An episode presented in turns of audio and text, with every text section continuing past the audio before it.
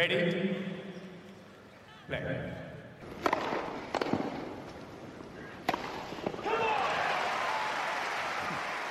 Farklı Kaydetin Tenis Podcast'i Inside Out'un 44. bölümüne hoş geldiniz. Ben Gökalp. Ben Anıl. Merhaba. Merhabalar. Bugün e, heyecanlı bir, güzel bir konuyla beraberiz. E, şu anda bulunduğumuz dönemi konuşmayacağız. 2019'un sonuna geldiğimiz bu zamanlarda e, Farklı Kaydet'in bazı diğer podcastlerin de yaptığı gibi 2010'ların böyle 2010'ları bir şey yapacağız. Değerlendireceğiz Anıl'la beraber. Tenis dünyasında 2010'larda olan e, bu yıllara damgasını vuran 10 olayı konuşacağız. Anıl hazır mısın? Valla çok uzun konuşacağız diye korkuyorum çünkü konular bayağı derin. Ee, Yani bakıyorum böyle tek tek başlıklara da yani bu konu 20 dakika gider bu konu. İnşallah e, dağılmadan devam edebiliriz ki sonuna kadar Aynen. götürürüz. İnşallah uzun olursa da keyifli olur. Çünkü hazırlanırken nostalji insan böyle keyif alıyor. E, Beğendiğiniz size de geçer inşallah. Yani e, seç beğen al. Hani Aynen biz böyle zaman şeyi koy- koyarız zaten. 10 numarayı istiyorsanız direkt oraya geçin. Hiç bozulmayız. Ama sıralamamıza başlamadan önce herhalde bu podcast'in en büyük sosyal medya olayı olan Anıl'ın Karen Haçanov tarafından retweetlenmesini bir. Lütfen bunu yani bir, bir like da siz basın. Bu çünkü yani gözden kaçmamalı. Bakarsınız Karen önümüzdeki podcast'te konuk olur diyormuş.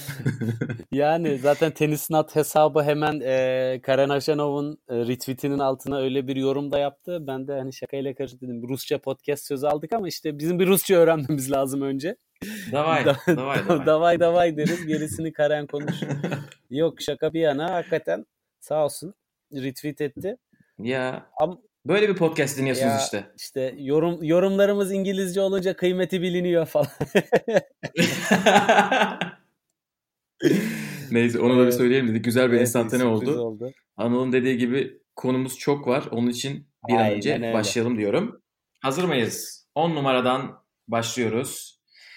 Evet 2010'ları konuşuyoruz. Biraz konsepti anlat istiyorsan e, Gökalp yani böyle şey hangi konular var genel Aynen olarak? yani 2010'larda tenis camiasında ne konuşulduysa ve tenisi en çok ne etkilediyse onları böyle başlıklar altına toplamaya çalıştık. Bunlar olaylar da olabilir spesifik. Başarılar da olabilir böyle uzun bir döneme yayılan. Ee, zaten gittikçe göreceksiniz. İstiyorsan 10 numaradan başlayalım mı direkt? Evet. Evet 10 numara için 2016 yılının Mart ayına gidiyoruz. O kara gün. Los Angeles'ta bir otel. Otelde yapılan bir basın toplantısı. Basın toplantısında Maria Sharapova dopingli çıktığını söylüyor. Doping testinden e, geçemediğini söylüyor. 10 numarada Maria Sharapova'nın doping skandalı var.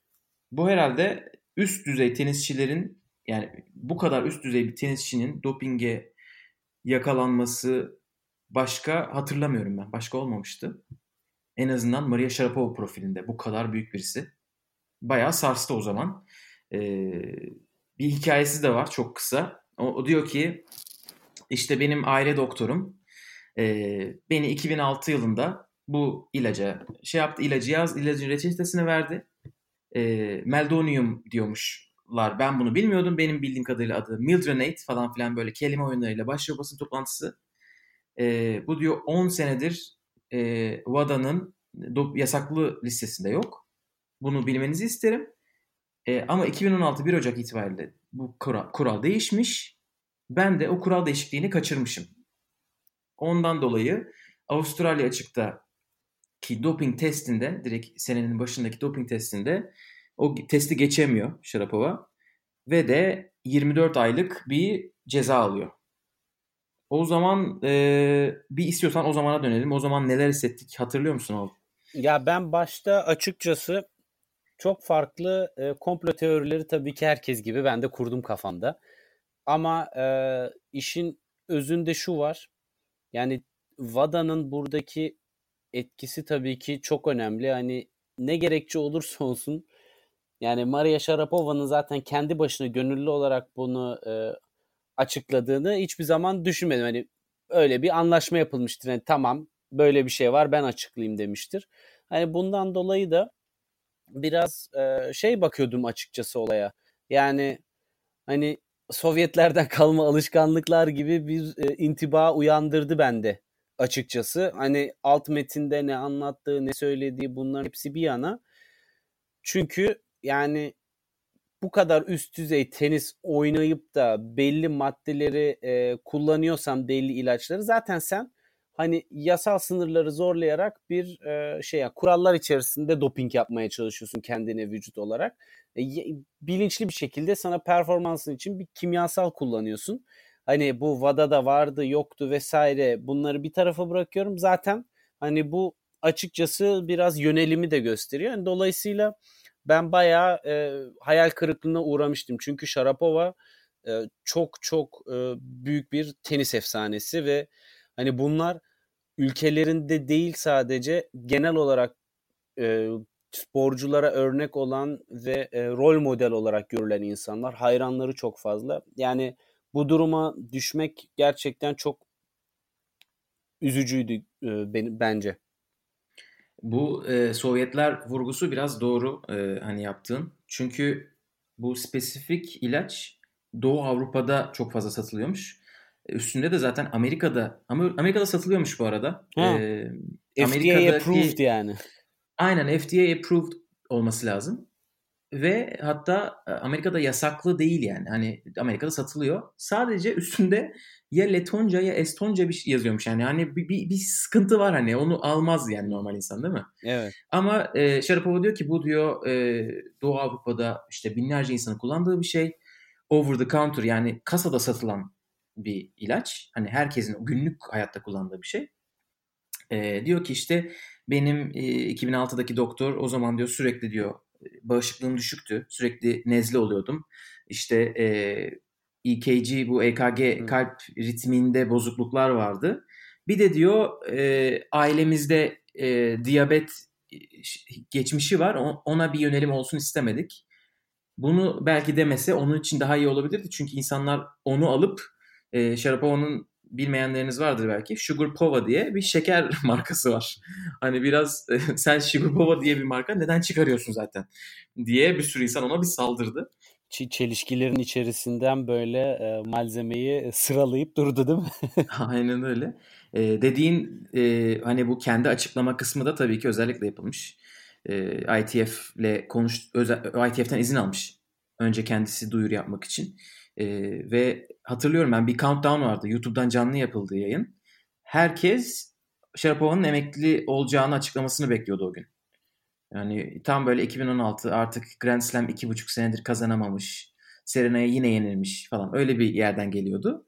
Ee, bunu söyleyince işte çok üzgün olduğunu falan filan söyledi. Neyse e, kasa başvuru yapıldı. Kas'ta hani 3 tane sebep saymış işte e, yani kasti olarak doping yapmadığını görüyoruz biz bu başvurudan diyerek cezasını 24 aydan 15 aya indirdi. Bunlardan birisi de hani çıkıp kendisiyle yüzleşmesi, kendisi çıkıp e, bu açıklamayı ilk başta yapması ve bütün sorumluluğunu kabullendiğini söylemesi. Orada iyi bir şey var yani. E, bir PR hareketi yapılmış.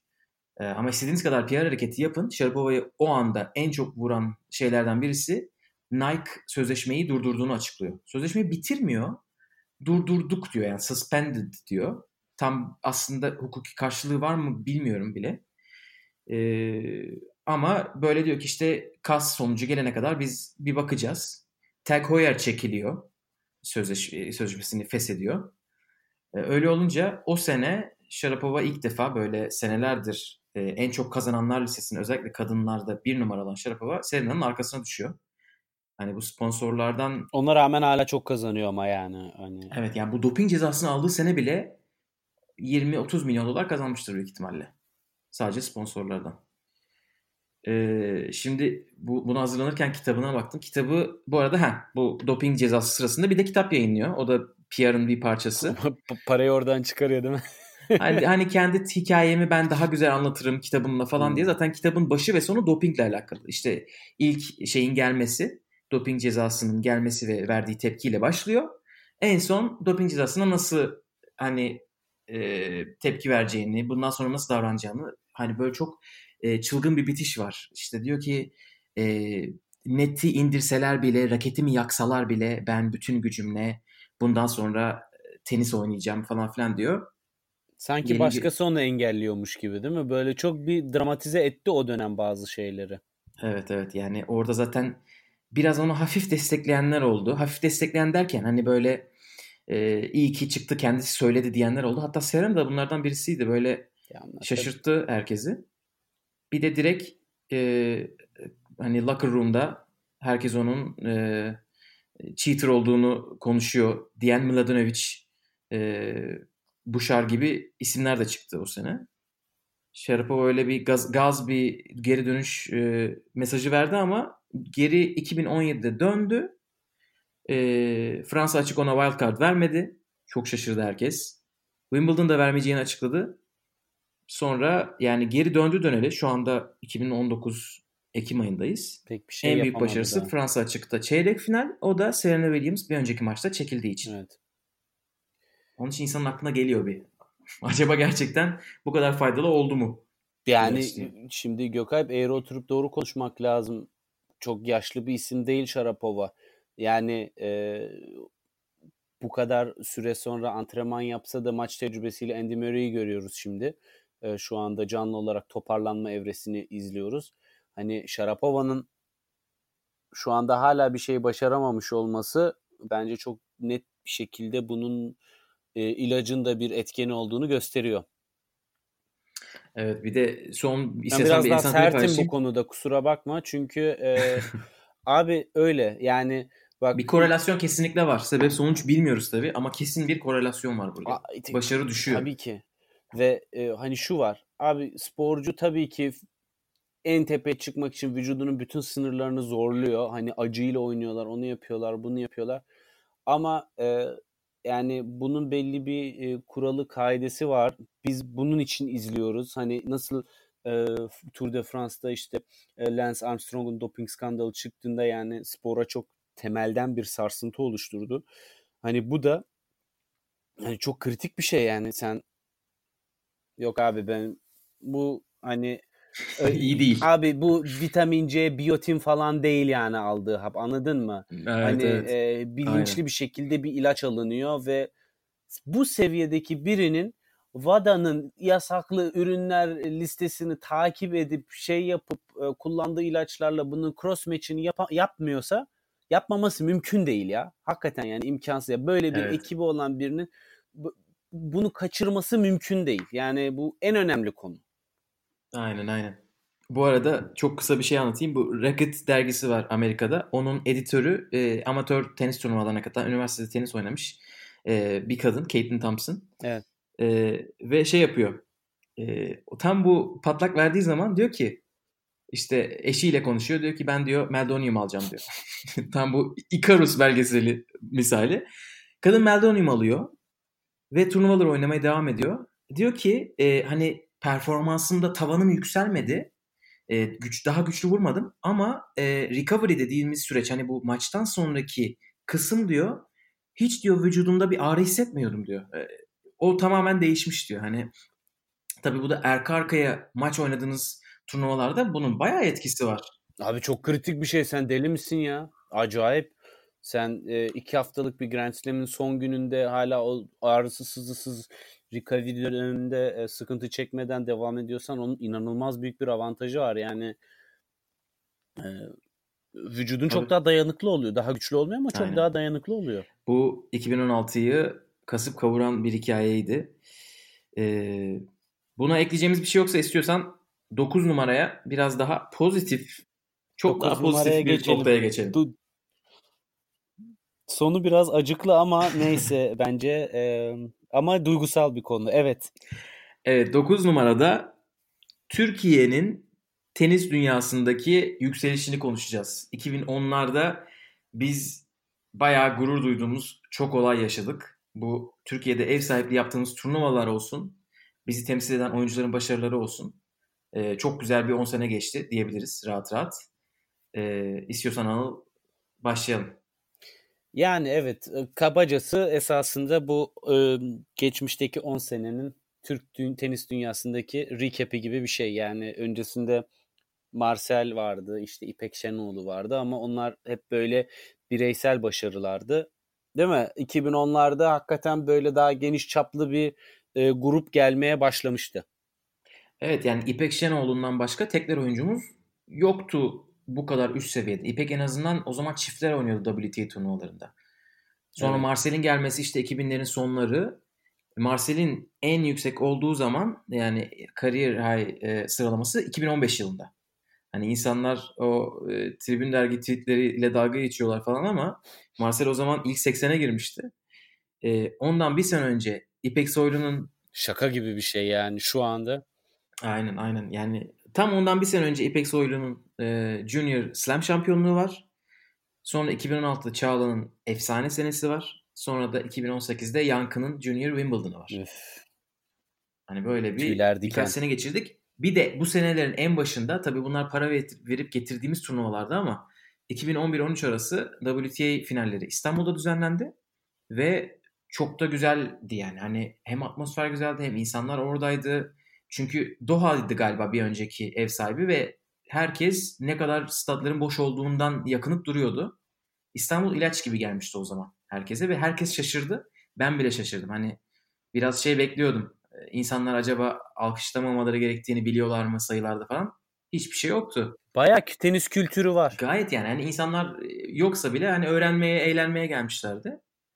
Çok güzel bir 3 turnuva geçti orada. Serena ikisini kazandı. Birini galiba Azarenka ya da Kvitova kazanmıştı ilkini. Ee, şimdi yani tenis ne durumdaysa 2010'da Türkiye'de büyük ihtimalle bu sene çok daha farklı bir noktadadır. Belki Marcel dışında, Marcel'in et, imajı dışında. Ya Marcel de hala 32 yaşında. Yani e, artık hani Antalya'daki 15K turnuvalarında oynaması ben çok üzücü buluyorum açıkçası. Bu arada Marcel dışında derken ben Marcel'in imajından bahsediyorum. Marcel çok başarılı dönemler geçirdi. Sadece Türkiye'deki imajına yazık ki o dalga geçilen birinci turda elendi ile kaldı. Halbuki Hiç de yani bütün Grand Slam'lerde ikinci tura çıkmayı başarmış bir isim. Yani Türkiye tarihinde yok böyle birisi. evet Grand Slam'lerde ikinci tur Bütün ilk 64 Hepsi- oyuncu hepsinde- demek sizde anlamına geliyor. Yani hepsinde ikinci tura çıktı. Hatta US Open'da 3 kere çıktı abi yani. Hani e, bunu yani insanların anlaması gereken o korta çıkmak için öncesinde baya bir maç kazanması gerekiyor. Evet evet. Aynen Böyle öyle. boru değil yani kaba tabirle. Kolay yükselinmiyor. Ee, yani İpek'in Junior şampiyonluğu bayağı sürpriz olmuştu. Çünkü bizim Junior'da çok takip ettiğimiz isim yoktu. Çağla Junior oynamayan bir oyuncu. İlk defa İpek'le beraber sanırım yanlış hatırlamıyorsam böyle Junior Slam tablolarına bakmaya başladık. O zamandan da beri bırakmadık. Yani güzel bir devamlılık oldu orada. Ya İpek'in e, Wimbledon'da Junior'da yarı finali falan acayip e, şeydi. Ne oluyoruz? Değil mi? bir heyecanlandırmıştı açıkçası çok fazla. Tabii yani şu da var. Hani bizde tabii tenis izleme kültürü var. Hani onu konuştuk. Ama bir tenisçinin yaşamı konusunda nasıl olması gerektiği konusunda çok fazla tecrübemiz yok. Yani bu jenerasyonlar yavaş yavaş bunları öğreniyorlar ve hani bundan inanıyorum ki bir sonraki kuşaklarda faydalanacaktır. Zaten şimdi şimdi e, birçok hani profesyonel tenis kariyerine e, geçiş yapmak isteyenler de hani şu andaki zaten İpek'te Çağla'da yurt dışında çalışıyorlar ve oradan bir know-how'ı yavaş yavaş Türkiye'ye getiriyorlar. Hani bu e, nasıl diyeyim mesela Yugoslavların bir tenis kültürü vardır. Rusların bir tenis kültürü vardır ve o e, birliğin içerisinde hani her tenis antrenörü sayısı çok fazladır. Bir tenisçinin nasıl yaşaması, ne yapması gerektiğini bilenlerin sayısı çok fazladır. Hani bunlar bizle çok adım adım biz daha işin çok başındayız. Dolayısıyla hemen e, olan şeyler değil bunlar. Hani olursa bir şey o tamamen şu anda daha bence e, bireysel e, başarı olarak değerlendirilecek bir şey. Böyle bir sporda sistematik bir kültürün oturması ve e, antrenör bilgilerinin oturması ve uluslararası seviyelerde üst noktalara gelebilmesi bunlar kolay değil. E, her sporun böyle özellikleri var ve o yüzden de belli, her sporda belli kuvvetli ülkeler var. Yani bu e, O yüzden 2010'lar gerçekten çok çok e, büyük bir sıçrama oldu kesinlikle Türk tenisi açısından. Benim Aynen. tek üzüldüğüm nokta açıkçası o yüzden biraz sonu hüzünlü dedim. Yani seneye hakikaten hiçbir turnuva kalmıyor Türkiye'de ya. Yani e, herhalde bir Lale Cup falan kalacak. Bir şey kesin mi bilmiyorum. O kesinleşti mi? WTA İstanbul'un da gitmesi. İstanbul Cup'ın. Yani benim bildiğim gitti. O da böyle parantez içinde yazıyordu bir yerlerde. Galiba o da gidici. Gerçekten o üzücü. Yani Challenger seviyesinde turnuvalar kaldı şu anda sadece. Bundan önce erkeklerde iki tane vardı. Hani Antalya tamam çok iyi değildi ama en azından İstanbul turnuvası vardı. Kadınlarda da İstanbul turnuvası Ben vardı. tamamen Türk tenisi Şu için anda düşünüyorum. 3'ten 0'a düşüyoruz. Yani o turnuvada Aynen aynen. eskaza bir tur atlıyorsun. Deli gibi puan topluyorsun. Bu senin başka turnuvalara katılabilmeni sağlıyor. Eğer kendi ülkende olunca wild kartlarını alıyorsun. Oyuncularına şans oluyor. Bak ben Almanya'da yaşıyorum. Burada dünya kadar turnuva yapılıyor. Bu inanılmaz büyük bir fırsat. Yani orada o haftaya iyi hazırlanıp iyi iki tur geçtiğin zaman bu senin önünü çok fazla açıyor. Bir anda tak ilk 200'desin. Bir sürü turnuvaya kapı açılıyor. Sponsorluk o oluyor, bu oluyor. Yani eğer ki bir tenis ülkesi veya tenisçilerin çıktığı bir ülke olması isteniyorsa kesinlikle ve kesinlikle mümkün olan e, maksimum düzeyde ve üst düzey turnuva ev sahipliği yapmak gerekiyor ki hem oyuncular iyi oyuncuları izleyip veya hiçbir şey olmasa o büyük oyuncular geliyor ve orada bizim gençlerimizle antrenman yapıyorlar. Bu bile inanılmaz bir katkı. Evet. Ee, işte ne bileyim Gael Monfils'in Antalya'da Ergi ile çalışması e, vesaire, Yankı ile çalışmaları, Çiliç geliyor antrenman yapıyor filan. Yani bunlar çok önemli bilgi aktarımı ve tecrübe. Hani biz bunu çok üst seviyede gördük şimdi Lever Cup'da Zverev ve Federer ve Nadal'ın etkisini. Ee, hakikaten acayip bir şey. Ee, yani turnuva yapmazsan olmaz. Yani bu o yüzden biraz da e, tabii ki çok maalesef bu turnuvaların organizasyonlarının planlanmasından da kaynaklı bir karlılık sıkıntısı var kesinlikle. Ama hani bunun kabahati bence Türkiye'de tenisin izlenmek istenmiyor olmasından ziyade bu turnuvanın planlandığı yerler, zamanlamalar filan bayağı e, falsolu. Evet şimdi sen böyle O anlatınca de- beni de şey sorusu sardı. Koza Vos Arena'da ne olacak? Orada 50 tane falan kort var. Orada turnuva Evet. yapılmayacaksa şimdi ne yapılacak? Me- merak Ama ettim. şu anda da zaten ne yapılıyor ki abi? Yani oraya kim gidebilir Gökay? Kim gidebilir oraya? Yani iki telli de iş çıkışı, akşamüstü e, İki telli değil ya. maça uzak. gideyim Daha desen uzak. zaten trafik yani şey kortların ışıkları kapanmış olur sen iş çıkışı oraya yetiştiğin zaman yani orada bütün hafta devam eden bir turnuva planlamak rezalet. Bak çok ciddi söylüyorum çok büyük bir e, işin başındaki insanların bilgisizliğinden kaynaklanan bir karar. Kesinlikle yani. Ya da ilgisizlik. Artık sebebini bilmiyoruz ama çok bir Yani neyse şimdi şey biraz yok. siyasi konulara kayacak o yüzden çok e, girmeyeyim. Ama yani öyle bir yatırım ya parayı bilinçli bir şekilde sokağa atılmış gibi bir şey yani. Bir kere parayı verdin Serena'yı getirdin. Cumartesi günü doldurdun oraları. O yani. Neyse. Doğru. Evet bu şu anda 9 numaraya koyduk biz Türkiye'nin yükselişini. Anıl'ın dediklerini yaparsanız 2020'lerde bu 5 numaraya kadar falan çıkabilir yani belki. Yani onun için bizi bizi dinleyin. Ama e, yani çok kısaca Abi beni övme yani. Birinin çok birini kısaca övmesi gerekir de benim seni övmem gerekir. Estağfurullah. Ee, ya bireysel başarılarımız. Çok baş, e, gurur duyduk. Onu bir hatırlamakta fayda var. 2010-11'lerde başladı. E, bir tane Fransa açık eleme günü var. Bütün Türkleri aynı korta koydular. 3 Türk çatır çatır. E, o final Of. maçlarını almışlardı. Marcel, İpek, Çağla. 8. 7. kort hangisi ise. Yani öyle bir gün Ana yok. tabloda dört tane Türk vardı. Yani aynı anda üçü birden aldılar maçlarını arka arkaya. Oraya oraya gidip izlediğinizi düşünsenize Fransa'dasınız. Üç tane temsilciniz şey yapıyor. Maçlarını Bam, alıyor. bam, bam. Böyle bir dönem geçti. Onun için bunu 9 numaraya koyduk diyorum ve 8'e geçelim mi? Geçelim. Evet 8 numarada bu 10 yıla damgasını vuran 8. olay olarak kural değişikliklerini konuşalım dedik. Ee, biz bu zamanlarda çok kural değişikliği konuştuk. Belki 2000'lerde de konuşmuşuzdur hatırlamadığımızdandır ama bence bu, bu dönem çok fazla konuşuldu. Her sene ne değiştirsek diye uğraştı ATP, WTA, ITF, Grand Slam'ler. Ama bazıları Çoğunu da olumlu buluyorum bu arada. evet yani çok böyle marjinal olanları dışında neredeyse hepsini e, yürürlüğe soktular. İşte bunun içinde Grand Slam'lerin 5. set formatlarını değiştirmek olsun. Shot clock bu son zamanlarda geldi. Ee, Çok şükür. Next Gen ATP'de e, inanılmaz fütüristik kurallar uygulanıyor. Böyle bir şeyin olacağı herhalde kimsenin aklına gelmezdi 2000'lerde.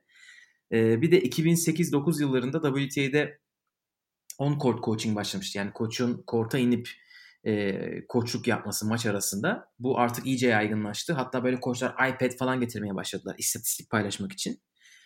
Çok fazla kural konuştuk.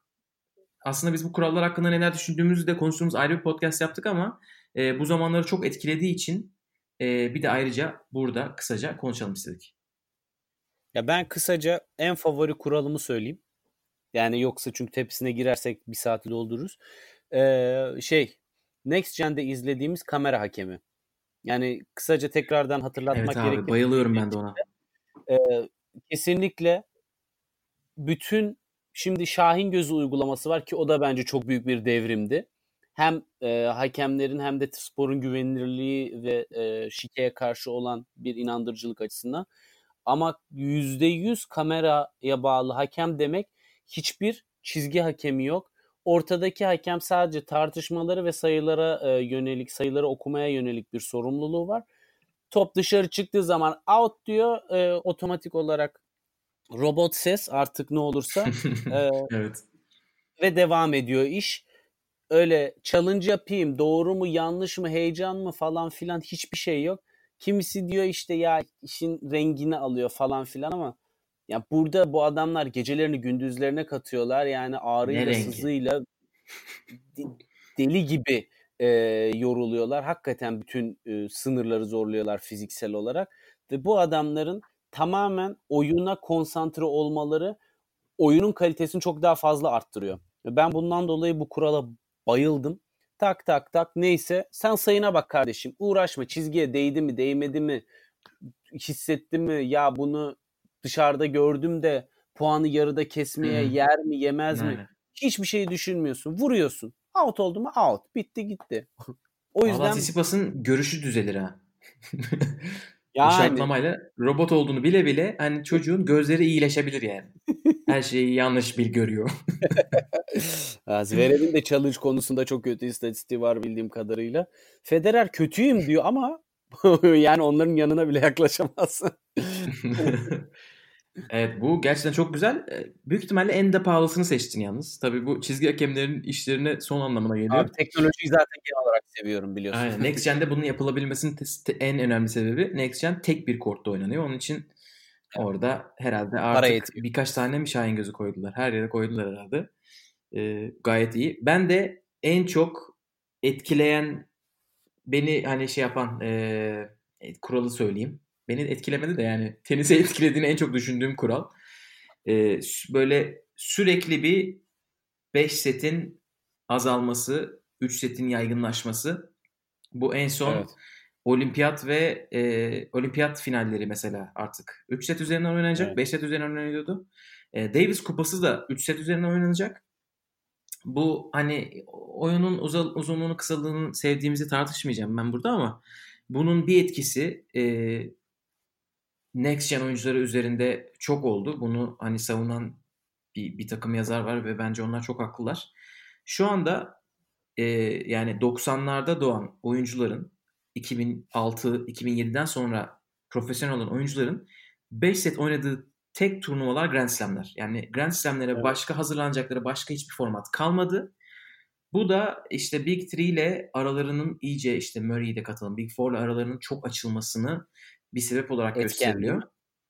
Aynen. Kadınlarda bu yok mesela. Kadınlarda Grand Slam'lerde 3 oynanıyor. 3 set üzerinden WTA'de 3 set üzerinden oynanıyor. Onun için öyle bir stamina ihtiyacı farkı var mı? Yok yani. Burada var. Ondan dolayı mı? Bilmiyoruz. Bel ama en büyük etmenlerden birisi olabilir. Ee, bu iyice azaldı. Grand Slam'ler hala tutunuyorlar 5 sete. Ne kadar devam edecek meraktayız ama benim de böyle tenis en çok etkilediğini düşündüğüm değişiklik bu oldu. Gerçi o çok 2000'lerde oldu ama 2010'larda da uygulayan turnuvalar çok oldu. Yani 5 set olayı bence de çok kritik bir tartışma ve önemli bir nokta. Çünkü e, şöyle bir şey var. Yani şimdi çok Grand Slam'e gittik seninle Gökalp. Hani sen benden de benim haricimde de çok fazla Grand Slam'e gittin.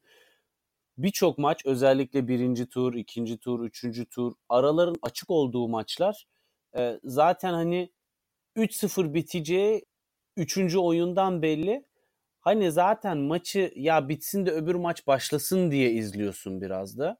Hani ortada eğer seyirciyi düşünen bir seyir zevki konusunda bir şey varsa yani bilmiyorum çok da öyle maç uzun olunca güzel oluyor diye bir şey yok. Hani e, bundan dolayı da çok üst düzey raketlerin rekabetinde çok yani 5 set olup efsane güzel olan maçların sayısı var Grand Slam'lerde. Fakat hani o maç 3 sette bitseydi de çok güzel bir maç olacaktı. Hani e, evet. o yüzden ben açıkçası tenis sporunun geneline ve oyuncuların da sağlığını ve üst düzey performansı son maça kadar taşıyabilmelerini ve sezonun sonuna kadar taşıyabilmelerini düşündüğümde spora genel olarak katkısının çok daha fazla olacağını düşünüyorum. Çünkü e, mesela şey yaptığın zaman e, karşılaştırdığın zaman işte ATP turnuvaları 3 set üzerinden oynanıyor değil mi? 3 e, setin ikisini kazanan alıyor. Şimdi evet. o turnuvada her gün maç yapabiliyor oyuncular. Hatta yeri geliyor 2 maç yapıyor.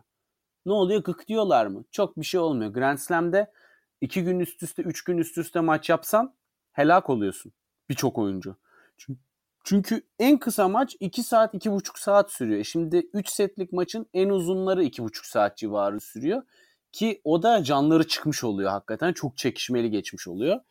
Ee, bundan dolayı ben yani iyi tenis izlemek ist- istiyorsak yani amaç iyi tenis izlemekse ve oyuncuların daha iyi oynamasını görmekse yani adamın bir maçı bitirmesi için her seferinde deli gibi buz, ban, buz banyolarına e, hızlıca koşması gerekmemeli diye düşünüyorum açıkçası.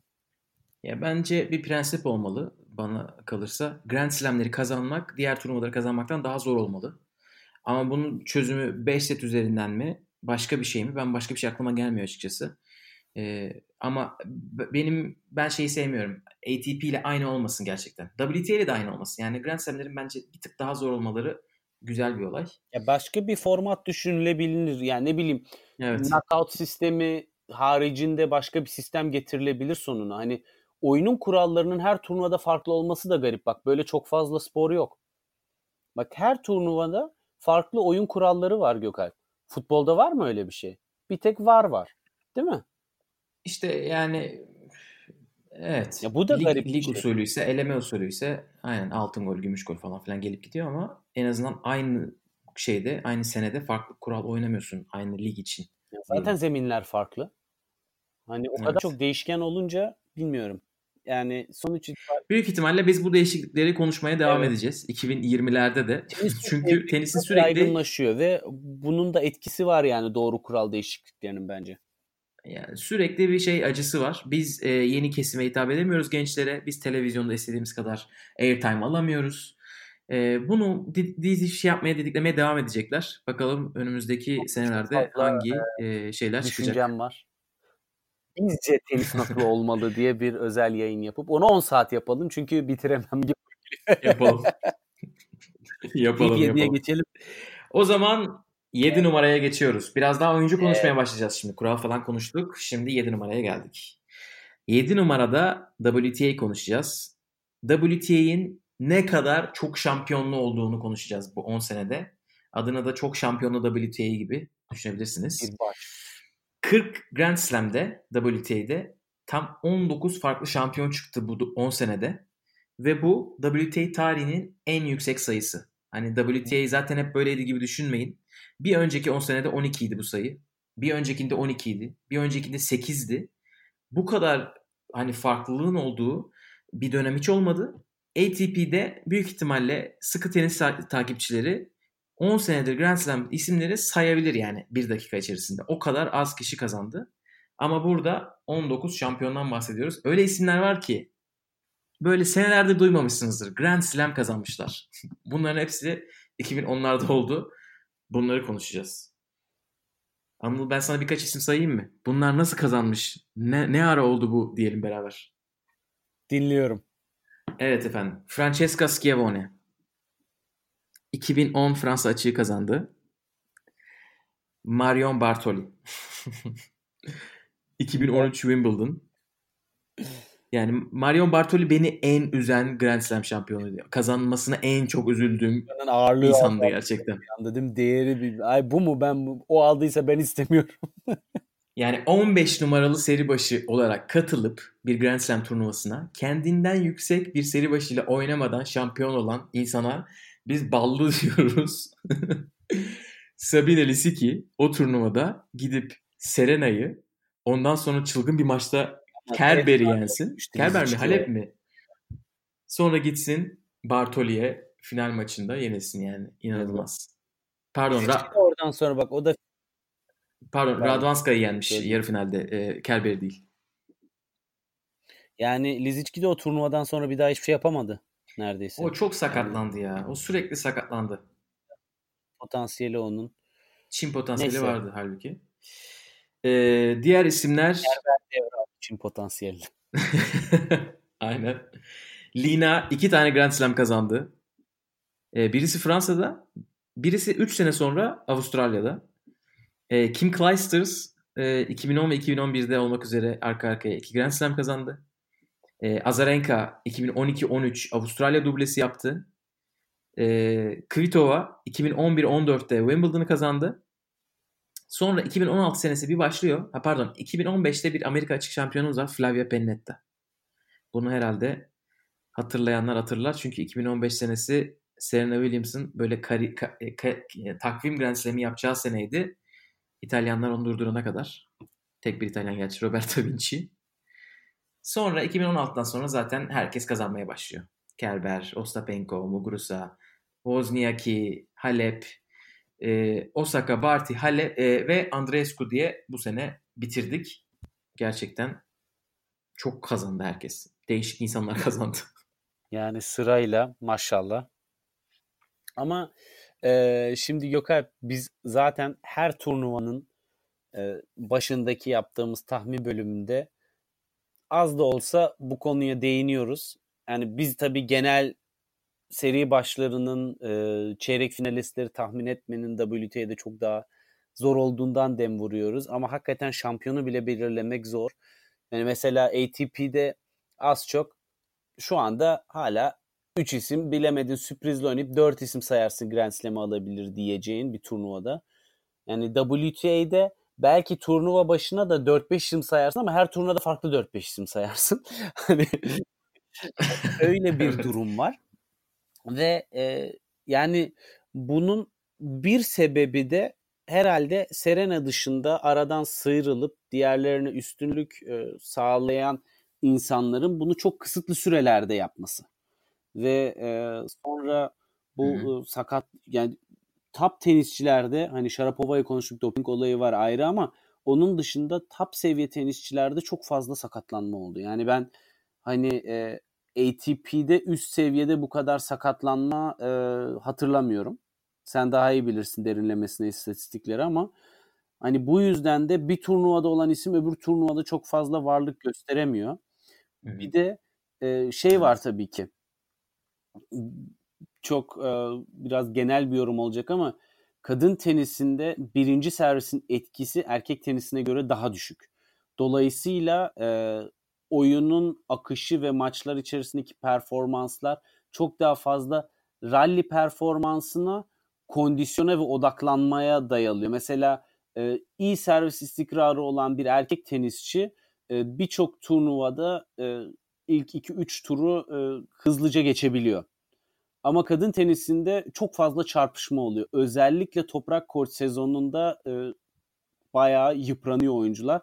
Hani ben bu konuda bunların etkisi yani en temel etkenler bunlar. Ama hani e, 2010'larda ya şu efsaneler e, hakikaten bu döneme damga vurdu diyebileceğin çok fazla yok. Evet. Mesela 90'larda filan sayıyorsun net böyle bir e, güruh var birkaç kişi tak tak tak tak onlar diğerlerinden ayrı bir şey oynuyor. Hani evet. bu dönemde öyle bir şey olmadı. Evet burası Yani herkes çok yukarıda çok iyi değil. Hani Evet. onu da söylemek lazım. Evet burada bence dominant performansın çok olmamasından da kaynaklandı biraz. Dediğin gibi 90'larda herkesin aklına bir Seleş, işte Graf, Hingis gelir. O, o- arada tabii ki çok böyle güçlü isimler vardı ama o üçü çok kazandılar. 2000'lerde de öyle. Justin Henin'in 5'ten Ya. fazla Grand Slam'i var mesela. Neydi? Venus Williams. Değil mi? Aynen Venüs'ün orada kaç tane Wimbledon'ı var? Sadece Wimbledon kazandı yani. 80'lerde Navratilova ile Evert zaten bütün her şeyi kazanmışlar. Evet. Ee, Öyle olunca burada o tarz böyle baskın bir ismin de olmaması hani Serena'yı tabii ki bir kenara Tek bırakıyoruz. Serena var zaten.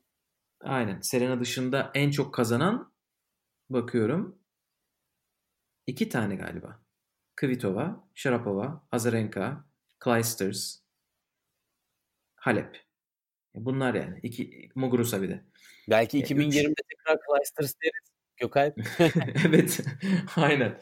O tek Geri yine dönüyor. geri dönüyor. İkinci geri Clijster geri döner dönmez Grand Slam kazanmıştı. Bakalım ne yapacak. Bu sefer herhalde biraz Bakalım. daha zor 3 çocuktan sonra ama göreceğiz. Ee, bir isim atlamışım. Onu da söyleyeyim. Samantha Stosur. Şu anda e, eleme falan oynuyor bazı turnuvalarda ama o 2011 Amerika açıkta Serena Williams'ı finalde yenip Amerika açığı kazanmıştı. O da bir Grand Slam şampiyonu kendisi. Diyelim ve 6 numaraya geçelim mi? Geçelim. Evet. 6 numarada Altın Çocuk Başlığı oku. Başlığı oku. Olimpiyat Ben fedaisi Andy Murray'i konuşuyoruz. evet. Bazı 10 senelerde bence bu arada de- decade konuş kelimesinin Türkçe'de olmaması beni çok üzüyor. Bazı 10 seneler öyle olmuyor abi. Bazı yani 2000'lerde mesela 3 olimpiyat denk gelmişti. 2020'lerde de 3 olimpiyat denk gelecek. 2010'lara 2 olimpiyat denk geldi. 2 tane altın madalya verildi erkekler teklere. İkisini de Andy Murray aldı. Ona buradan alkışlarımızı gönderiyoruz. Ee, Ve biri neredeydi? Olimpiyatların. biri Londra'daydı. Yani Wimbledon'da hem de yani. yani onun Wimbledon'daki e, ilk kupası. Evet değil mi? O kendi Wimbledon'ı kazanmadan önce orada Evet evet. doğru. Bu alıştırma Aynen. 2013'te Wimbledon'ı kazanıyor Andy Murray. Ama 2012'deki Londra Olimpiyatlarında tek erkekleri kazanıyor. O çok güzel bir turnuvaydı çünkü yarı finalde Djokovic'i yendi. Finalde de Federer'i yendi. Federer'i e, Wimbledon merkez kortunda 6-2, 6-1, 6-4 ile yendiğinizi düşünün.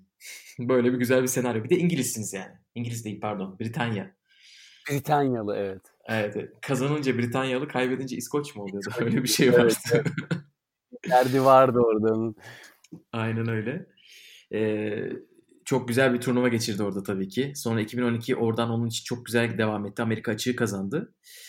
Ee, 2016'da Rio Olimpiyatlarında herkes puan mı yok?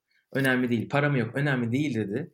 Ben o altın tekleri e, kendi biyografime işte CV'me yazacağım diye. Özellikle o sene bence Djokovic çok yüksekti. Olimpiyat altını konusunda.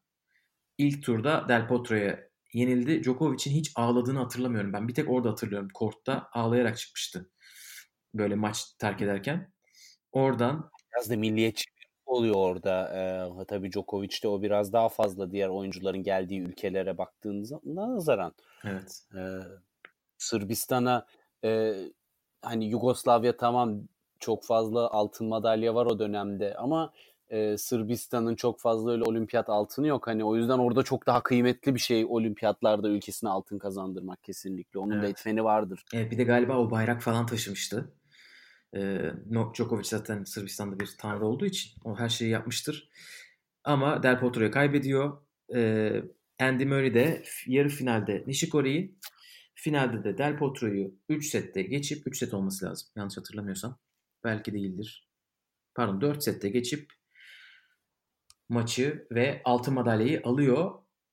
Nadal burada yarı finalde elenip bronz maçını da kaybediyor. Dördüncü oluyor ama çiftlerde altın alıyordu orada. Ee, Andy Murray'nin bu arada 2016 aldığı altın madalyadan sonra Andy Murray hiç kaybetmiyor o sene. İnanılmaz bir performans. Zaten, Zaten onda top numaraya yükseldiysen işte. 52 maçın 49'unu kazanmış oradan sonra. Wimbledon'dan sonra galiba. Ee, dünyayı bir numarası olarak bitiriyor. Zaten vücudu bitiyor. O vücudu orada bitti çocuğun. Yazık oldu. Oradan perde çıktı zaten. Evet ama yani Djokovic, Federer ve Nadal'ın olduğu bir dünyada bunları yapabilmek ona yakıştı. İki tane altın. Federer'in bir tane tek erkek altını yok. Murray'i e, Big Four'un arasına yazdıran en büyük e, dönem zaten o dönem. Hani ondan önce Evet. de başarıları vardı ama e, şey efsanevi kadroda değildi kesinlikle. Yani o yaptıkları onu fiziksel çöküşe götüren dönemki e, başarıları zaten onu Big Four mu Big Three mi tartışmasının ortasına tak diye soktu. Bence de 2016 o bayağı şey yaptı yani. Yerini sağlam aldı. Ondan önce Ee, müzmin mağlup ve e, tabii ki Grand Slam şampiyonlukları var ama zaten bundan 3 sene öncesinde e, Grand Slam'deki şampiyonlarda değişkenler vardı yani sırf Murray değildi e, Big Three dışında Grand Slam kazanan hani Çiliç'te vardı, Wawrinka'da vardı, şimdi başka isimler de vardı e, hemen sayamadığım ama efsaneleştiren o sene oldu çünkü tenisi komple domine etmen lazım hani hepsi Djoko'nun da Nadal'ın da Federer'in de herkesi silip süpürdüğü bir devasa dönemi vardı ve onlar haricinde bunu başarabilen tek isim Murray olmuştu. Yani turnuva bazında değil sezon başında ve o yüzden Big Four oldu zaten. Evet evet aynen öyle.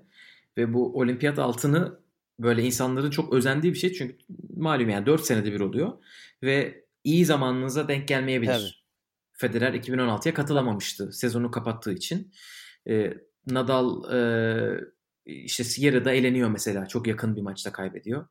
Federer'in çok böyle iddialı olduğu 2004 senesi var mesela. Gidip Thomas Berdih'e kaybediyor. Üçüncü turda mı çeyrek temine. Her şey kötü gidebilir yani. İki tane altın almak gerçekten çok büyük başarı. Ee, ben şey şöyle bir komplo teorim var. Djokovic bu hafta normalde Çin'de hiç maç kaybetmezken e, Çin'deki turnuvaları çok severken Beijing yerine Tokyo'yu tercih etti. Ben diyorum ki olimpiyat provası yapıyor bu adam. Önümüzdeki sene Tokyo olimpiyatlarında nasıl en iyi oynarımı düşündü. Gitti bir de dedi rahat 500 puan alırım. İkisi bir arada. Ondan Tokyo'ya gitti ama önümüzdeki olimpiyat bakalım nasıl geçecek. Şimdiye kadar Andy Murray iki tanesini cepledi. Gökalp'cim o komplo teorisi değil. Yanlış okumadıysan kendisi de açıkladı tercih sebebinin Tokyo'yu o oldu. Hadi ya. Evet Ha. yani e, tabii Twitter camiasında biliyorsun bazen böyle üfürmeler de olabiliyor ama hani benim bildiğim hakikaten bu bilinçli bir tercih. Ha. Ben sponsor falan mı acaba dedim. Yok, Gerçi be- Mikro'yla da çalışmıyor artık ama. Ee, öyle olsa Federer katılırdı.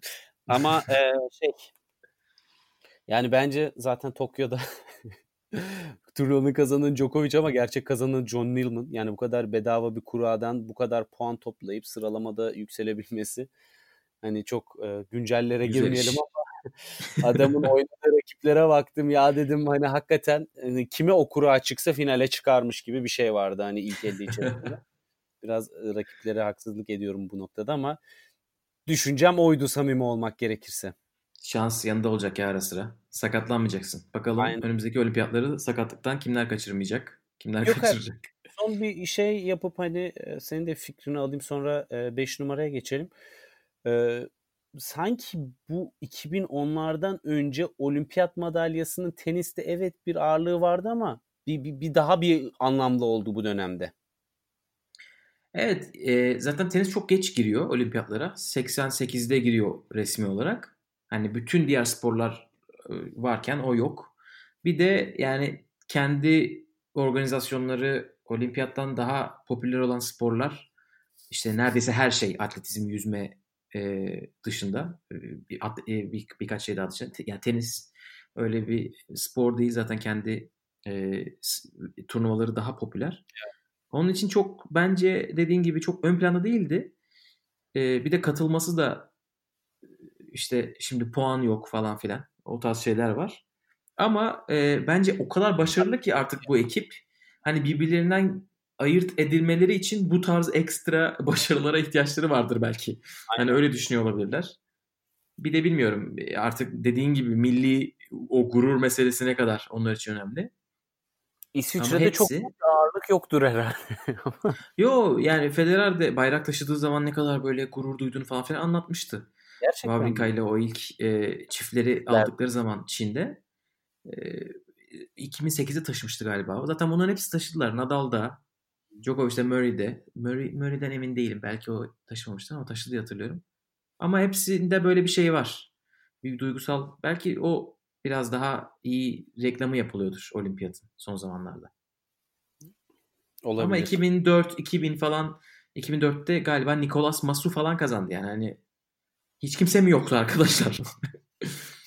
Dediğin gibi Çağırdı. orada biraz daha yani 2004'ün John Millman olmuş herif. Neyse o kadar düşük değil. Hakikaten bu da yeni bir kavram olabilir. Bir turnuvanın bu turnuvanın John Millman'ı kim olacak? Kura ballısı. Lucky winner olan.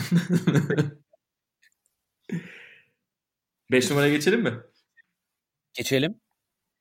Evet 5 numarada duygusal bir hikayemiz var. 2016 Aralık ayında Çek Cumhuriyeti'nden bir haber geldi. Petra Kvitova'nın evine bir hırsız giriyor ve Petra Kvitova'ya bıçaklı bir saldırıda bulunuyor. Biz bu 5 numarada Kvitova'nın efsane dönüşünü konuşacağız. Yani gerçekten eee, nasıl olur böyle bir şey dediğimiz herhalde bu kadar benzeyen en son bundan daha fenaydı. Monica Seles'ti 90'larda. Eee, ki biz onu hani ben o- takip etmiyordum. Çok küçüktük o zaman ama eee Kvitova'nın olayı Haber kaynağıydı o zamanlar yani. Nerede gazetede iki satır haber alıyorsun o kadar. Tabii. Yani Kvitova'nın şimdi bir de sosyal medyadan direkt paylaştığı, işte basın toplantısını direkt yaptığı dü- dünyada çok yakından takip ettik. Ee, gerçekten yani çok inanılmaz bir geri dönüş oldu. Çünkü 2016 Aralık'ta bu olay oluyor. Ee, bu arada ya böyle 15-20 santimlik falan bir bıçak var adamın elinde. İşte e, adama karşı işte kendisini korumaya çalışırken sol elinin bütün parmakları kesiliyor. Kvitova'nın solak olduğunu hatırlatalım. Hani burada tabii ki önemli olan can güvenliği, e, yaşam savaşı çok daha ön planda ama haber duyulduğunda biz Kvitova'nın e, yani genel olarak iyi olduğunu biliyorduk. Sadece detaylarda sol elinin neredeyse parçalandığı paylaşıldı. Ee, ilk işte çıktı, basın toplantısı yaptı. Dedi işte e, çok teşekkür ederim destekler için. E, böyle böyle oldu. Şu anda işte rehabilitasyona gireceğim. İş umarım ileride oynayabilirim tarzı bir şey söyledi. Böyle bir belirsizlikten sonra Roland Garros'a katıldı 2017'de. Yani gerçekten nasıl oldu bu bilmiyorum. Sonra katıldığı ikinci turnuvada Birmingham'ı kazandı. Böyle bir performanstan bahsediyoruz.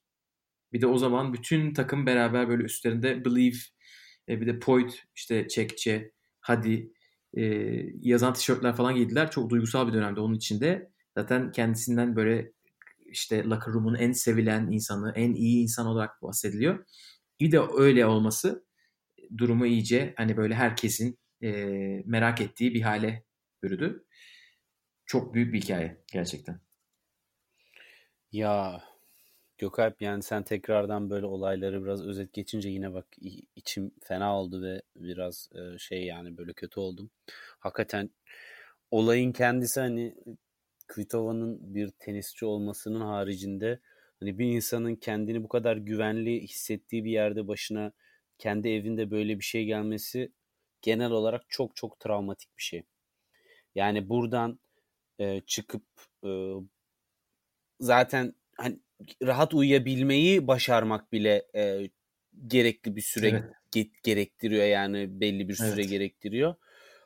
Yani buradan parçalanmış bir elin artık bilmiyorum nasıl ameliyatlar yapıldı, ne nereye dikildi, ne yapıldı, ne edildi. E, Şey demeyin böyle parçalanmış demeyeyim de bütün parmakları kesilmiş ve e, baş parmağındaki sinirler hasar görmüş. Hani ilk elinin açıldığı zaman doktora şey demiş. Hani bakmasam olur mu? Bakarsam hani en azından bir uzanayım bakarken.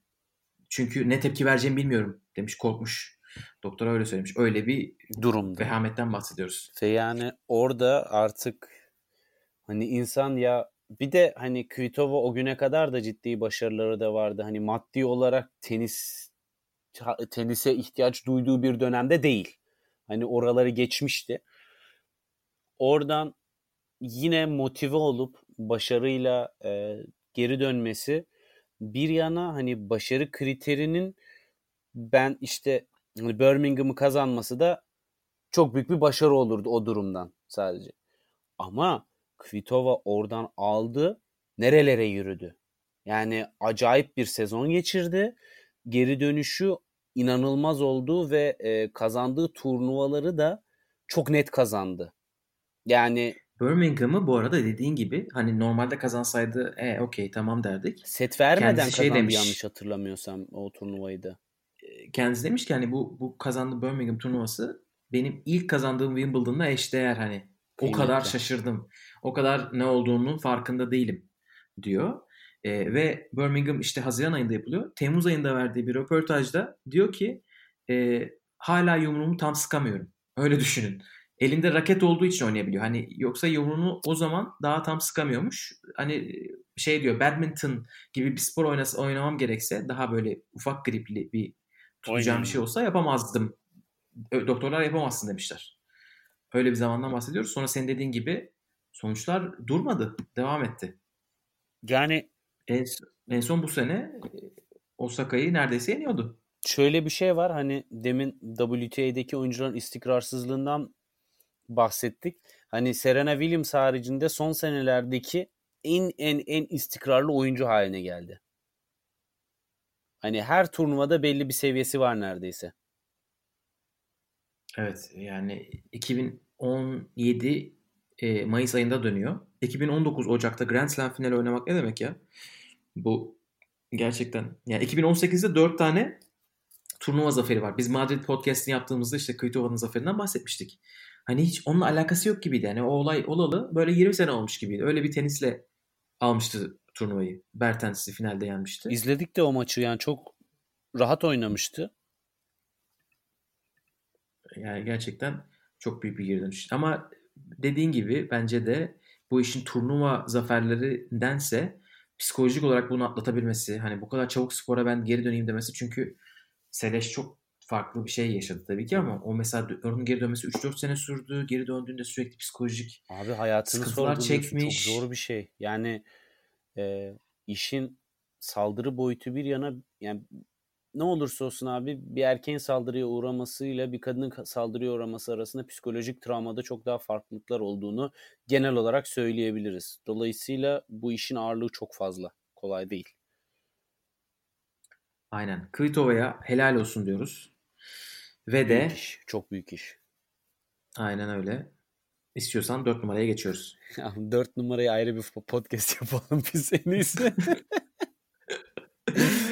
4 numaraya ayrı bir podcast yapalım dememizden 4 numarada kim olduğunu tahmin ettiniz mi bakalım. Ama bak onu söylemeden şunu söyleyeyim. Bence ilk dördün hepsine birer ayrı podcast yapılır. Yani çünkü artık isimleri konuşuyoruz ve Evet ya.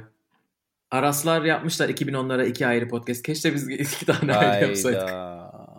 Şimdi mi? Yok yok şaka yapıyorum. Ya, biz sığdırırız. Sığdırırız Evet. sığdırırız. Bir sonraki podcast'te görüşmek üzere diyeyim. yok yok bırakmayın devam ediyoruz.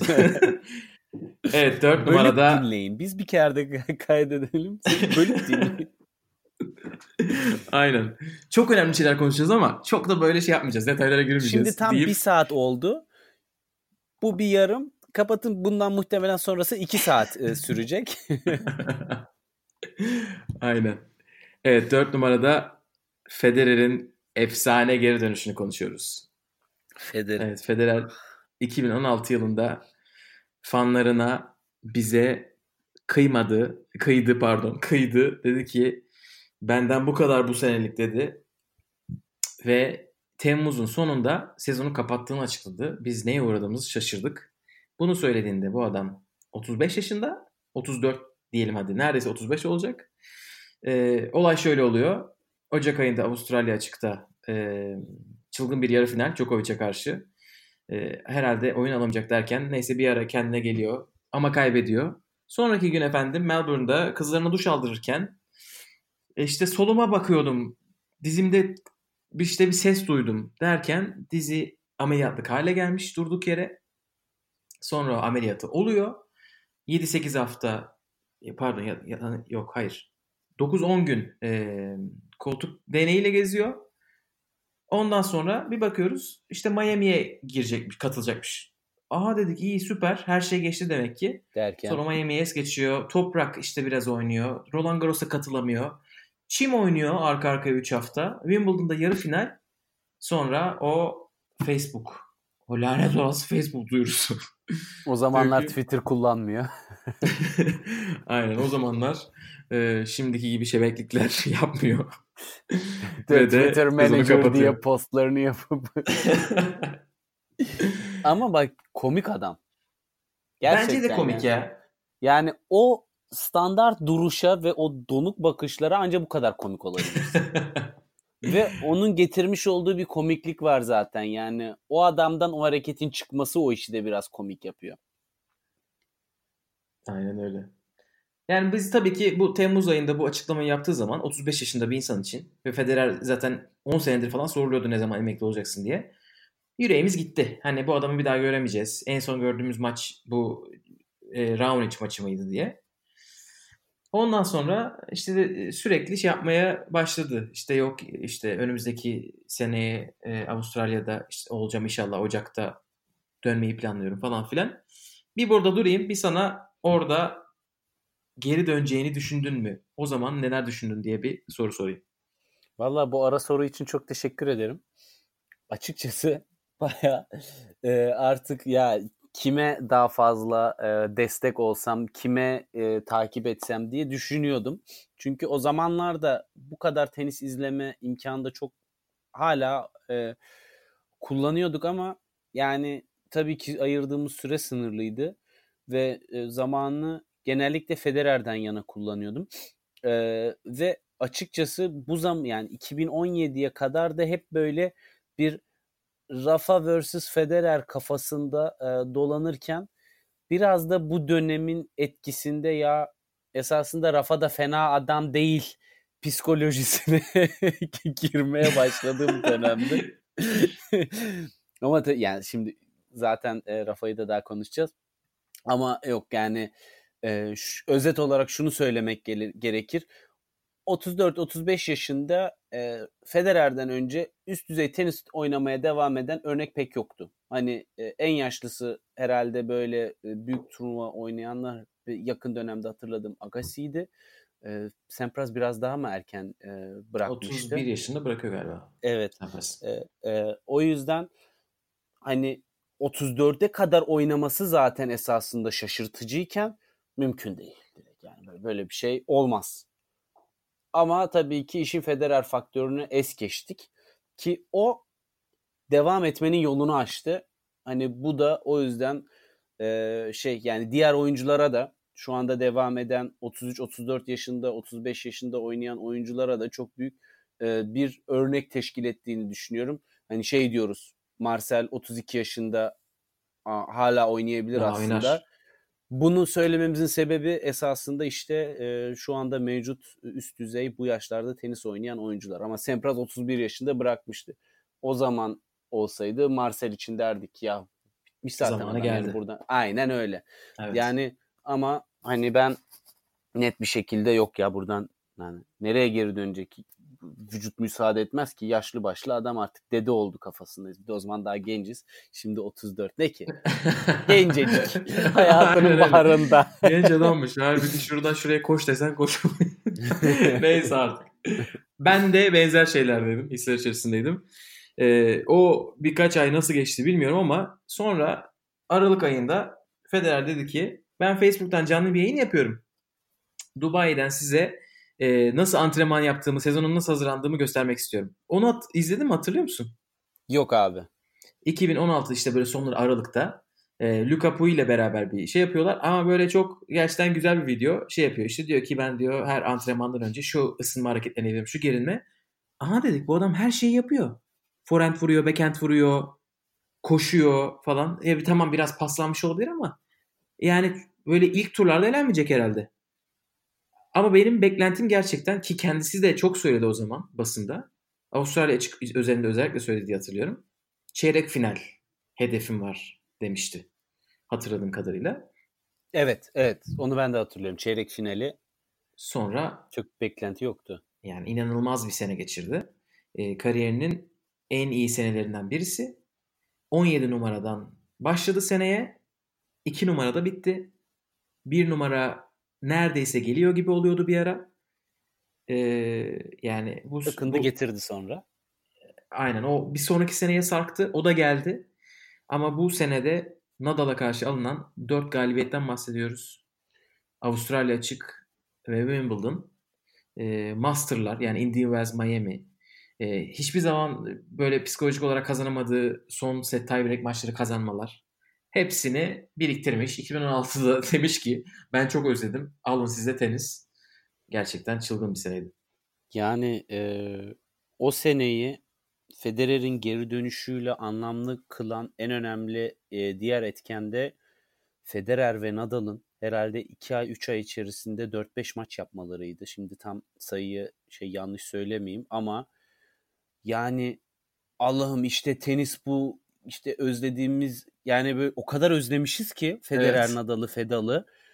Yani ben esasında bak samimi söyleyeyim o senenin başında bu iki ismin ne kadar büyük olduğunu e, hissettim ve tenise, tenis seyircisine ne kadar çok şey verdiklerini e, çok ciddi anlamda idrak ettim. Çünkü genelde e, şimdi genelde diyorum çünkü e, hani Wimbledon'da da ciddi çarpışmaları oldu. Ama e, genelde Roland Garros'da Nadal domine ediyor. Nadal diğer turnuvalarda çok ön plana çıkan bir isim değildi. Hani Nadal da bu dönemden sonra çok farklı bir seviyeye ulaştı bence genel olarak zaten. Ee, ve burada beraber burayla beraber zaten e, çok farklı bir noktaya ikisi geldi. Beraber gelmeleri ikisini de yukarıya taşıdı. Yani e, biraz hani Big Three diyoruz ama bir e, Fedal'ın e, totaldeki tenis sporuna olan etkisi çok büyük bir sinerji ve e, bu da Federer'in geri dönmesinden kaynaklı oluyor biraz da. Çünkü eğer Federer geri dönmeseydi hani bu dönemde Rafa Djokovic'i çok fazla konuşacaktık ve iş yani şu an konuştuğumuz birçok şeyi konuşmayacaktık ve iş çok farklı bir yere gelecekti ama Fedal'ın tenis camiasını domine etmesindeki şu andaki en önemli etkenlerden birisi de hem piyasa değeri hem izlenirlik hem de sevilirlik, e, takip edilirlik açısından Federer'in geri dönüşüne e, bağlıyorum. Ve Evet, bundan orada- dolayı da çok mutluyum gerçekten. Eş zamanlı olarak Nadal da geri döndü. Hani Nadal'ı Evet. konuşacağız dedik zaten ama e, Nadal sakatlıktan geri dönmüştü. İşte onları çok böyle anlatmaktan mutluluk duydukları bir şey var, detay var. İşte Mallorca'ya gidiyor. Akademinin açılışına Federer işte diyor ki Nadal şey gösteri maçı bile yapamayız. Senin bileğin sakat, benim dizim bozuk. İşte diyor ha ha ha gülüşüyorlar. Sonra Avustralya açık finalinde karşılaşıyorlar. Bundan iki buçuk ay sonra falan. E, ve ben senin dediğini hatırlıyorum çünkü o Avustralya açık finali inanılmaz satılmıştı. Hani bu gördüğünüz son fedal olabilir diye sonra biz Indian Wells'de bir tane daha izledik. Miami'de bir tane daha izledik. Böyle işte bir buçuk aylık bir periyotta üç defa oynadılar. Yani zevkten Birinde hatta köşe sendeydim. Cenevre'de beraber izlemiştik yanlış hatırlamıyorsam. Öyle bir şeyler vardı gibi. Neyse. Evet Miami turnuvasında buradaydın galiba. Bir Evet. Kyrgios maçını sabaha karşıya kadar izlemiştik. Çünkü o kadar uzun sürmüştü ki. İzlemeye çalışmıştık daha doğrusu. Aynen öldük. Ama e, Federer'in 2017 geri dönüşünü 4 numaraya koyalım dedik. Biz konuşsak bitmez. Onun Aynen. için başka ekleyeceğim bir şey yoksa istiyorsan 3 numaraya geçelim. Diğer ustalara saygı kuşağına devam edelim diyorum ben. 3 numaraya geçelim sevgili Gökhan. 3 numara. 3 numarada Rafa'nın 8 Roland Garros'unu konuşuyoruz. Ayıp. Tek kelimeyle ayıp. Yani Aynen. İnanılmaz. Neden 8 diyoruz? Tabii ki çünkü 2010'larda bunu kazandığı için. Ee, 2010'larda kazandığı 5 tane daha Grand Slam var Rafa'nın. 13 kazandı. Ama e, yani onu onu kesinlikle göz ardı etmek istemiyoruz. O inanılmaz yani. 4 tane Amerika açığı e, Rafa kazanacak deseler bana 2009 yılında e, yani gülerdim. E, evet yerlerinde. çünkü ya zaten iki US Open zaten sanki hani böyle turnuva formalite icabı oynanıyor da bir ara hatırlıyorsun. Federer zaten alıyordu sonunda. 5 sene üst üste almıştı US Open'ı. Hani o yüzden zaten çok farklı bir turnuvaydı US Open. Böyle Aynen. bir dominasyon şaka gibi. Yani o çok iyi ama biz biraz Roland Garros konuşalım istiyoruz spesifik olarak. Çünkü yani nasıl anlatacağımızı geçen sefer de hani Roland Garros podcastinde de bilememiştik. Kaçıncı oldu artık diye. Ee, yani 2010 yılı öncesinde Rafa'nın 6 Grand Slam var. 2009 yılının sonunda. Bunların 4 tanesi Fransa açık. Ve o zamanı hatırlamaya çalışırsanız biraz Nadal gelmiş geçmiş en iyi toprak oyuncusu kesinlikle denmiyordu. Herhalde olacak ama bakalım diyor, diyordu herkes. Çünkü Björn Borg'un 6 tane Fransa açığı vardı ve Björn Borg'un toplam kariyerinde 2 tane maç kaybetmişliği var Roland Garros'ta. Rafa da bir tane kaybetmişti. Hadi diyorlardı bakalım nasıl olacak acaba. Adam gitti o lafların üstüne 2010, 2009'da e, kaybettikten sonra 5 tane kazandı arka arkaya. Sonra 2 senelik bir duruş var orada. Sonra şimdi 3 tane daha kazandı. Biz bilmiyoruz yani biz diyoruz ki şu anda Nadal yaşadığı sürece kazanacak herhalde. Bu süreçte e, Murray, Federer ve Wawrinka'yı iki defa yeniyor. David Ferrer ve Djokovic'i üç defa yeniyor. Dominic Thiem'i dört defa yeniyor. Yani e, inanılmaz bir başarı. Bir de Nadal'ın sakatlanıp geri döndüğü çok sekans var. 2012'deki sakatlığı e, onun herhalde en uzun ara verdiği dönemlerden birisi. E, Wimbledon'dan sonra sezonu o da kapatıyor. O kadar kesin kararla kapatmıyor. Çünkü belki dönerim Ekim ayında diye diye erteleye erteleye sezonu kapatıyor. E, ve tam 2012'de böyle Björn Borg'un rekorunu o sene kırmışken 7.yi alıp ondan sonra kapatınca hani diyorlar acaba ne olacak? O zaten daha başlangıçmış. Daha 8 varmış 9. Biz İspanyolca'da sayıları öğrendik bu adam sayesinde. Valla La Decima ya. Yani Decima, orada öğrendim. Aynen. Decima 2 sene önce miydi? Tabii, Decima tabii. 2017'nin hikayesi. 2017'nin hikayesi. Ya Gökhan biz ona canlı olarak tanıklık ettik yani e, gerçekten acayip bir şeyi biz orada gördük ve hani zamanla idrak ediyorum ben öyle bir şey. Yani bundan 50 sene sonra insanlar konuştuğu zaman Nadal'ın 10. Grand Slam'i diye ben oradaydım demek acayip bir şey yani. Hani o tarihi bir şey. Bir, bir oyuncuya gerçek Grand Slam kupasının verildiği ben başka bir şey bilmiyorum. Peki e, bundan daha tarihi şu olabilir desem. Nadal'ın 16. Roland Garros'unda biz oradaydık. yani bu adam hani kaç tane kazanacak? Hiçbir Olabilir. sebep yok yani kazanmaması için. Şu anda 2020 mesela şey diye bakılıyor. Ee, şu anda Nadal'ın 19 Grand Slam'i var. Federer'in 20. Hı. En kötü Fransa'da zaten Federer'i yakalayacak. Hatta Nadal fanları diyorlar ki Avustralya Fransa yapalım da Fransa'da geçelim. İnanılmaz bir dominasyon. Evet yani e, Gökhan şu var. Hatırlıyorsan Nadal tabii çok da sık sakatlandığı için bileğinden, karnından, oradan, buradan hani özellikle de bileği vuruş stilinden dolayı e, çok sakatlanmaya müsait bir yapıda. E, çok böyle bu çekilmelerde vesairelerde dedikodular da oluyordu ya bu adam doping mi kullanıyor bir şey mi yapıyor o yüzden bir şey yani böyle bir efsane olarak görülmekten ziyade sorgulandığı bir dönem de oldu Rafa'nın ve hani bunların hepsini yıkıp geçmesi karakter, kişilik olarak e, tenise getirdiği heyecan, savaşçı ruhu, mücadeleciliği ama aynı zamanda da iyi kalpliliği, dostluğu ve e, naifliğiyle ön plana çıktığı dönem bu e, dönem ve hani burada başarılarıyla e, perçinlediği zaferler acayip yani. Hani bir işte şeydeydi 2018 2000, bu senenin Avustralya açığındaydı tabii ya zaman da çabuk geçiyor. Yani bütün Next Gen'i arka arkaya tıkır tıkır böyle bizim ya geliyor büyük oyuncu dediğimiz herkesi böyle Tsitsipas'ı falan e, ezip devirip geçmişti. Orada zaten şey belli oldu. Big Three'nin tekrar ağırlığının ne kadar büyük olduğunu hani birini yensen öbürüne takılıyorsun durumu hakikaten e, gerçek oldu. Çünkü baktığın zaman kupalarda hani e, şey bir tek Wimbledon'da Big Three'den iki kişi aynı anda oynadı bu sene. Hani onun dışında hep bir e, yan, yancı vardı. e, ve hani bundan dolayı da Rafa'yı bu dönem çok çok farklı bir noktaya kesinlikle taşıdı. Bambaşka bir noktaya Evet. geldi. E bir de bu senin So- söylediğin hani hakkında söylentiler vardı falan filan bunlarla uğraştı. Böyle Twitter söylentileri gibi düşünmeyin. Yanlış hatırlamıyorsam Fransız Tenis Federasyonu'ndan birisi çıkıp böyle bir şey söyledi. Ya da bir, bir Fransa'da bir resmi bir mevkide olan birisi. Yani Nadal onunla davalık dava falan açtı. Onlarla Tabii uğraştı bir de. turnuvadan çekilmesiyle alakalıydı sanırım değil mi? 2016'da çekildiğinden sonra mı esas böyle bir şeyler olmuştu? Böyle bir saçma sapan bir olay oldu. Onunla falan da uğraştı. Ama dediğin gibi o- bu senelerin başında yani 2010'ların başında bu tarz şeyler de şey yapılıyordu hep. Konuşuluyordu. Onlara rağmen gitti. Şimdi Fransa ise ya bir yürü git derler. Amerika ise Amerika. Aynen öyle.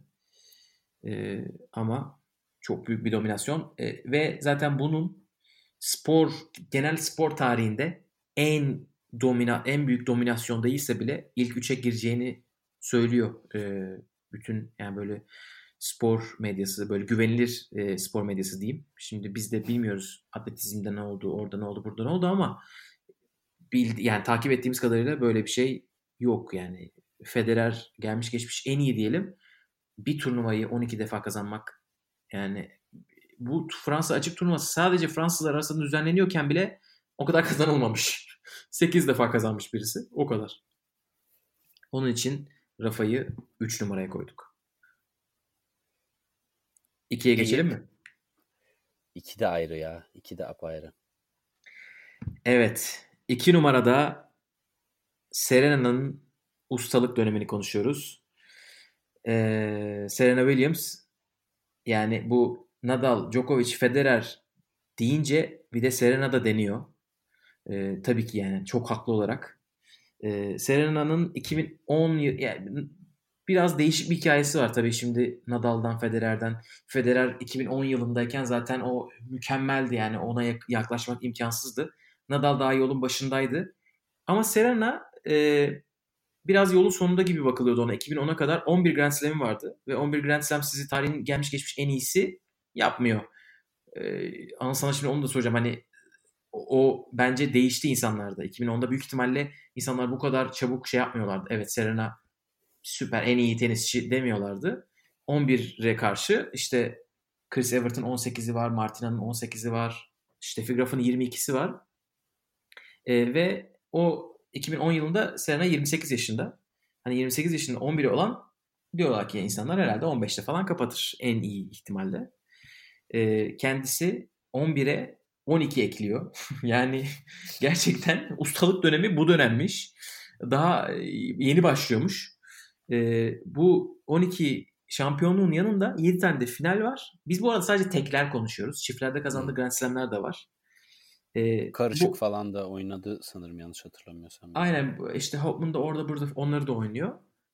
30 yaşından sonra da kazandığı 10 yani 12'nin 10 tanesi 30 yaşından sonra kazanılmış. Grand Slam'ler bir de bunların içine hiç şeyleri falan katmıyoruz yani. Doğum yaptı hani. O da yani az buz değil. Hani Doğumdan sonra 3 tane final oynadı ve e, bu da büyük Dört bir hayal tane. kırıklığı yarattı insanlarda hani Aynen, nasıl dört niye kazanamıyor. Aynen öyle. Ee, hamile kazandı bu arada. 2017 Avustralya açığı kendisi. hani daha ne yapsın? o Ee, da doping babası abi korta iki kişi çıkıyor ayıp yani. ya ilk o arada sorduğum soruyla sana bir pas atayım. 2010 yılında Serena'nın buralara geleceğini öngörebiliyor muyduk? Bu kadar dominant mıydı? Hatırlamak biraz zor. Sana da sorayım. Şimdi şöyle hani ben ilk Williams kardeşlerin dönemi olarak değerlendiriyorum ilk dönemi. Hani orada biraz sanki böyle Venüs daha ön plandaydı gibi ve hani onların beraber final oynamaları falan bunlar tabii çok büyük olaylardı. Yani tenis tarihinde görülmüş bir şey değil iki kardeşin tekler finalinde karşılıklı Grand Slam'de oynamaları. Ee, bu açıdan hani başlangıç dönemi diyeyim Serena'nın daha çok Serena olarak değil de Williams kardeşler olarak geçiyordu ve beraber hakikaten büyük bir e, şey oldu. Dominasyon ile beraber hakikaten ya işte onların karşısında duracak güçte oyuncu var mı acaba diye bir sorgulanma oldu. Çünkü hakikaten yani hala da Serena'nın attığı servis Serena'nın e, en büyük silahı hani demin bahsetmiştik bu e, kadın tenisinde birinci servisin etkinliğinin daha düşük olması. Hani bu, bu, bu tarz bütün kadınlar tenisine dair argümanlarda Serena hep istisnai bir durum olarak kaldı. Çünkü 190'ları geçen servisleri olan bir isim. Ee, aynı zamanda da bitiriciliği, vuruş gücü, vuruş hızı çok hızlı olduğu için e, fiziksel olarak hareketliliğinde bir e, çok sıkıntı yaşamadığı dönemlerde başlangıçta Kin'den çok daha güçlü hale geldi 2010'lardan sonra bence. Öncesinde çünkü e, servisine kadar kuvvetli olsa da unforced error'larıyla mücadele ediyordu. Biraz daha e, toplara yetişme hızı daha düşüktü vesaire. Hani tabii bunlar kötü değildi elbette. Yani o dönemde Grand Slam finali oynuyordu yani sonuç itibariyle ve çok fazla kupası vardı. Ama öyle bir oyunu oturttu ki ben yine e, şey Rafa'yla aynı şekilde bir yorum yapacağım. Ama şurada ayrışacağım yani şimdiye kadarki dediklerim biraz benziyor. Fakat Serena hani böyle bir ya acaba fason şampiyon mu veya işte sadece şöyle mi böyle mi diye bir e, tartışmaya hiç girilmedi Serena'da. Çünkü Serena farklı kortların hepsinde e, üst düzeyde oynadı ve bu noktada bence bayağı bir efsaneleşmişti zaten. Fakat periyodun periyot uzadıkça efsaneleşme oluyor zaten Gökalp biraz da. Şimdi Murray'de nasıl diyoruz bir sene çok iyi oynadı. Ee, sürecin uzaması da bu oyuncuları çok efsaneleştiriyor. Çünkü 3 sene, ya bir sene değil, 3 sene, 5 sene değil, 10 sene, 15 sene, 20 sene tenisin en iyi 10 ismi olarak devam ediyor bunlar ve bu acayip bir şey. Yani bu normal bir şey değil. Ama bunu işte 5 sene sonunda zaten teyit edemezsin. Bunun için 10-15 sene oynaması gerekiyor ki ya bu hı hı. başka bir seviye diyebilmek için. Ve hani biz hep Federer'in 20 Grand Slam'ini çok konuştuk. Özel podcast yaptık filan. Ama Serena'nın Grand Slam sayısı herkesten fazla ve e, hani bunu da bu dönemde yaşadı ve dolayısıyla o da bu dönemde ayrıştı. Hamilelikten hamile olarak şampiyon olmaya geçtim. Hamilelikten çıkıp çünkü bunun çok fazla hormonal etkisi var e, vücuda. bu kadar Grand Slam finali oynamak hani bu, bir daha bu tenis tarihinde görülecek bir şey olduğunu ben sanmıyorum. Evet bir de çok fazla sağlık e, hani kondisyonu da var. E, hamileliği zor geçen bir insan şimdi kendisi. Bir de onun evet. üstüne bu blood clot denen kan pıhtılaşması hastalığı var ve bu eskiden beri varmış. Bu e, Marvel karakteri gibi giyinmişti böyle catsuit'ta simsiyah Fransa açıkta. Evet, evet. Onun sebebi işte hastalıktı işte kan pıhtılaşmasını önlemek için diye söylemişti. Ya bununla zaten senelerdir uğraşmış. Bizim çok görmediğimiz, çok bilmediğimiz taraf. Ee, ama bence dediğin gibi yani uzun ömürlülük işe çok büyük bir katkısı oluyor. Şimdi e, eskiden de kazanıyordu sen de dedin hani farklı zeminlerde. 2002 e, Fransa ve 2003 Avustralya arasındaki 4 Grand Slam'i kazanmıştı zaten. O dörtlüyü yaptı. Bu sene bu, bu 10 senede bir tane daha yaptı öyle. E, 4 tane arka arkaya. 2014 Amerika, 2015 ilk üçünü yapmıştı. E, bunları bu kadar sene sonra yapması mesela Federer'in çok uzun ömürlü diyoruz. Federer'in başlangıcı 2003. Yine güzel. Serena'nın başlangıcı 99 ilk Grand Slam'i 99 Amerika açık. Yani 3 farklı decade'den bahsediyoruz. Ee, bir de hani bunların üstüne bir de iki tane de altın madalyası var kendisinin burada. İki, bir e, Londra'da bir tek bir de çift kazandı. E, çok büyük iş. Burada ona çok büyük faydası olan bir isim tabii Patrick Muratoğlu. E, kendisini her ne kadar antipati duysam da. Patrick Muratoğlu'nun bir podcast'ini... Çok kibarsın. bir podcast'ini dinledim geçen gün. E, Serena ile çalışmaya başlamalarını anlatıyor. 2012 Fransa açıkta Serena ilk turda Virginie Razzano'ya eleniyor. Ve kariyerinin ilk ilk tur elenmesi Grand Slam'lerde. Hiç o zamana kadar elenmemiş 2012'ye kadar. Sonra hani çok fazla zaman da kaldığı için elinde iki hafta boş sonuçta. Ee, Güney Fransa'ya gidiyor. Patrick Muratoğlu'nun akademisine. O zaman Muratoğlu galiba Dimitrov'u çalıştırıyor. Ee, diyor ki işte biraz bana iki tane antrenman partneri bulabilir misin? buluyor. İşte sonra çalışıyorlar. Serena diyor ki işte neleri başka yapabilirim anlat. O herhalde onun Patrick Muratoğlu'nun ilk mülakatı gibiymiş. Muratoğlu diyor işte bu bu bu. İstersen beraber çalışabiliriz diyor. Sonra beraber çalışalım diyor. Ve o ondan sonra yani oraya kadar işte zaten Serena'nın kaç slemi vardı? 13 falan. Ondan sonra beraber 10 tane daha eklediler. Onda çok büyük faydası oldu. Ee, büyük ihtimalle vücuduna da daha iyi baktı. Çünkü o 2000'lerde senin dediğin gibi çok şey oluyordu. Sakatlık çok fazla vardı. Yani böyle çok kopukluk var. Serena Grand Slam'e katıldım kazanıyor. Ama 4 Slam'in ikisine falan katılıyordu 2000'lerde. Atlıyor. Ee, Evet. Bu 2010'larda öyle olmadı. Bu 2010'larda atlamalar durdu. Ve çok katılmaya başladı. Ve 2013 aynı Nadal'da olduğu gibi onda da efsane bir sene. 15 turnuvaya katılıyor. Bu 15 turnuvanın 13'ünde final yapıyor. 11'ini kazanıyor. Ee, böyle bir dönemi geride bıraktı.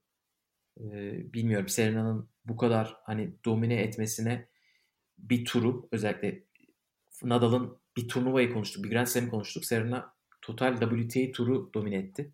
Bütün zaman boyunca başka yaklaşım olur mu? Ee, hayal etmek zor. Bence de. Katılıyorum kesinlikle. Çok ayrı bir yerde. Ne yazık ki bundan dolayı Patrick Muratoğlu da ayrı bir yerde. Yani... evet abi eğer oturup onun adama da hakkını teslim etmek gerekiyor. Evet. Hiç sevmiyorum kendisini. Gerçekten yani e, bu kadar tenisin içinde biri olarak hani bu kadar üst düzey bir insan olmasına rağmen hani karşılaşsam çok sohbet etmek isteyeceğim biri değil ki hani bunu söyleyeceğim insan sayısı çok azdır teniste. Çünkü herkesten çok e, dinleyecek, öğrenecek şey var. E, Yani ama acayip bir şey. Yani Serena'yı bu şekle sokmak da çok büyük başarı. Serena'nın buraya gelmesi de e, çok büyük başarı ve bunun arkasında tabii ki çok ciddi bir ekip e, çalışması var. Ve Serena bu dönemde e, sadece bir tenisçiden ziyade tenisi aşan bir ikon oldu. Evet ya. Doğru. Yani bunu çok farklı bir noktada değerlendirmek gerekiyor. Mesela Rafa da e, tenis camiası dışında İspanya ve Avrupa'da büyük bir ikon ve birçok ülkede Federer'in çok ayrı bir marka değeri var. Özellikle kadın hakları, kadınların genel e, birçok e, konudaki e, çalışmalarında çok öncü bir isim. Dolayısıyla hani küresel bir sembol oldu Serena ve e, hani 13 slam'in haricinde yani bunlar tabii ki e, başarınızla bir ağırlık yaratıyorsunuz ama o bu ağırlığı iyi bir şeyler yapmak için de kullandı. Tabii ki onu da eleştirdiğimiz noktalar oldu özellikle Osaka ile finalinde. Ama genele bakınca eğer oturup doğru konuşmak lazım. Serena'da bu iki, bu 2010'ları e, çok çok büyük bir iz bıraktı. Sadece teniste değil genel olarak dünyada diyebilirim. Evet o genel noktası çok önemli gerçekten bunu e, hatırlattığın iyi oldu. Yani bir pop ikonuna dönüştü kendisi Amerika'da. Amerika çok büyük bir pazar. Onun için yani bu kadar büyümek herhalde kendisi için de beklenmedik olmuştur. E, sosyal konularda konuşmaya başladı. İşte dediğin gibi işte böyle kadın konu şeyleri hakları, e, kendi böyle işte e, siyahi hakları. E, bir de bunların yanına şirket kurdu. Bir tane işte giyim şirketi falan derken bunlarla da Beyoncé'nin klibinde falan oynuyordu bir ara kendisi. Bunların üstüne gidip bir de All the single 13 tane ladies. Gitti bir de orayı alıp ototune yapacağım. Sana sana single çıkartıyorum oğlum. Hayır, hayır. Böyle olmamalıydı müzik kariyerimin başlangıcı. evet bir buçuk saati de bulduysak herhalde bir numaraya zamanımız gelmiş demektir. Yes. Evet bir numara onu konuşmadık. Onun kim olduğunu artık anlamışsınızdır.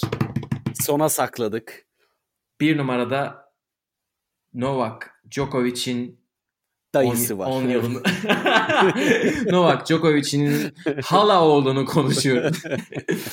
yani buna gerçekten İngilizce Novak's Decade diyebilsek ne güzel olur. Novak'ın 10 yılını konuşacağız. Yani inanılmaz bir 10 yıl geçirdi kendisi.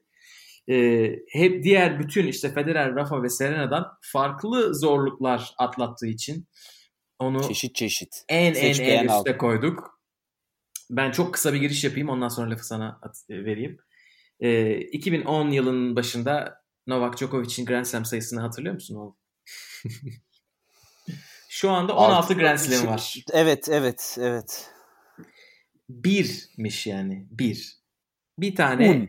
2008 Avustralya açığı var. Rafa'nın un desimasının unu. Onu, on yani. Ee, ve o zaman Nadal Federer hegemonyası inanılmaz yüksek. Hani bunu kimsenin kırması zaten beklenmiyor. Öyle bir beklenti yok. Feda, Fe- Federerci ve Nadalcılar diye insanlar ikiye ayrılıyordu hatta. O Evet. kadar Big Two oluşmuştu orada. Aynen. 2008 Avustralya açıkta Federer'i yeniyor yarı finalde. Sonra finalde Songa'yı yeniyor Djokovic. Annesi babası çıkıp diyor ki The King is dead. İşte long live the new king. Hatırlayamadım şimdi attım kafadan. Bu ana fikirde bir şeyler söylüyorlar. Millet bunların üstüne püskürüyor.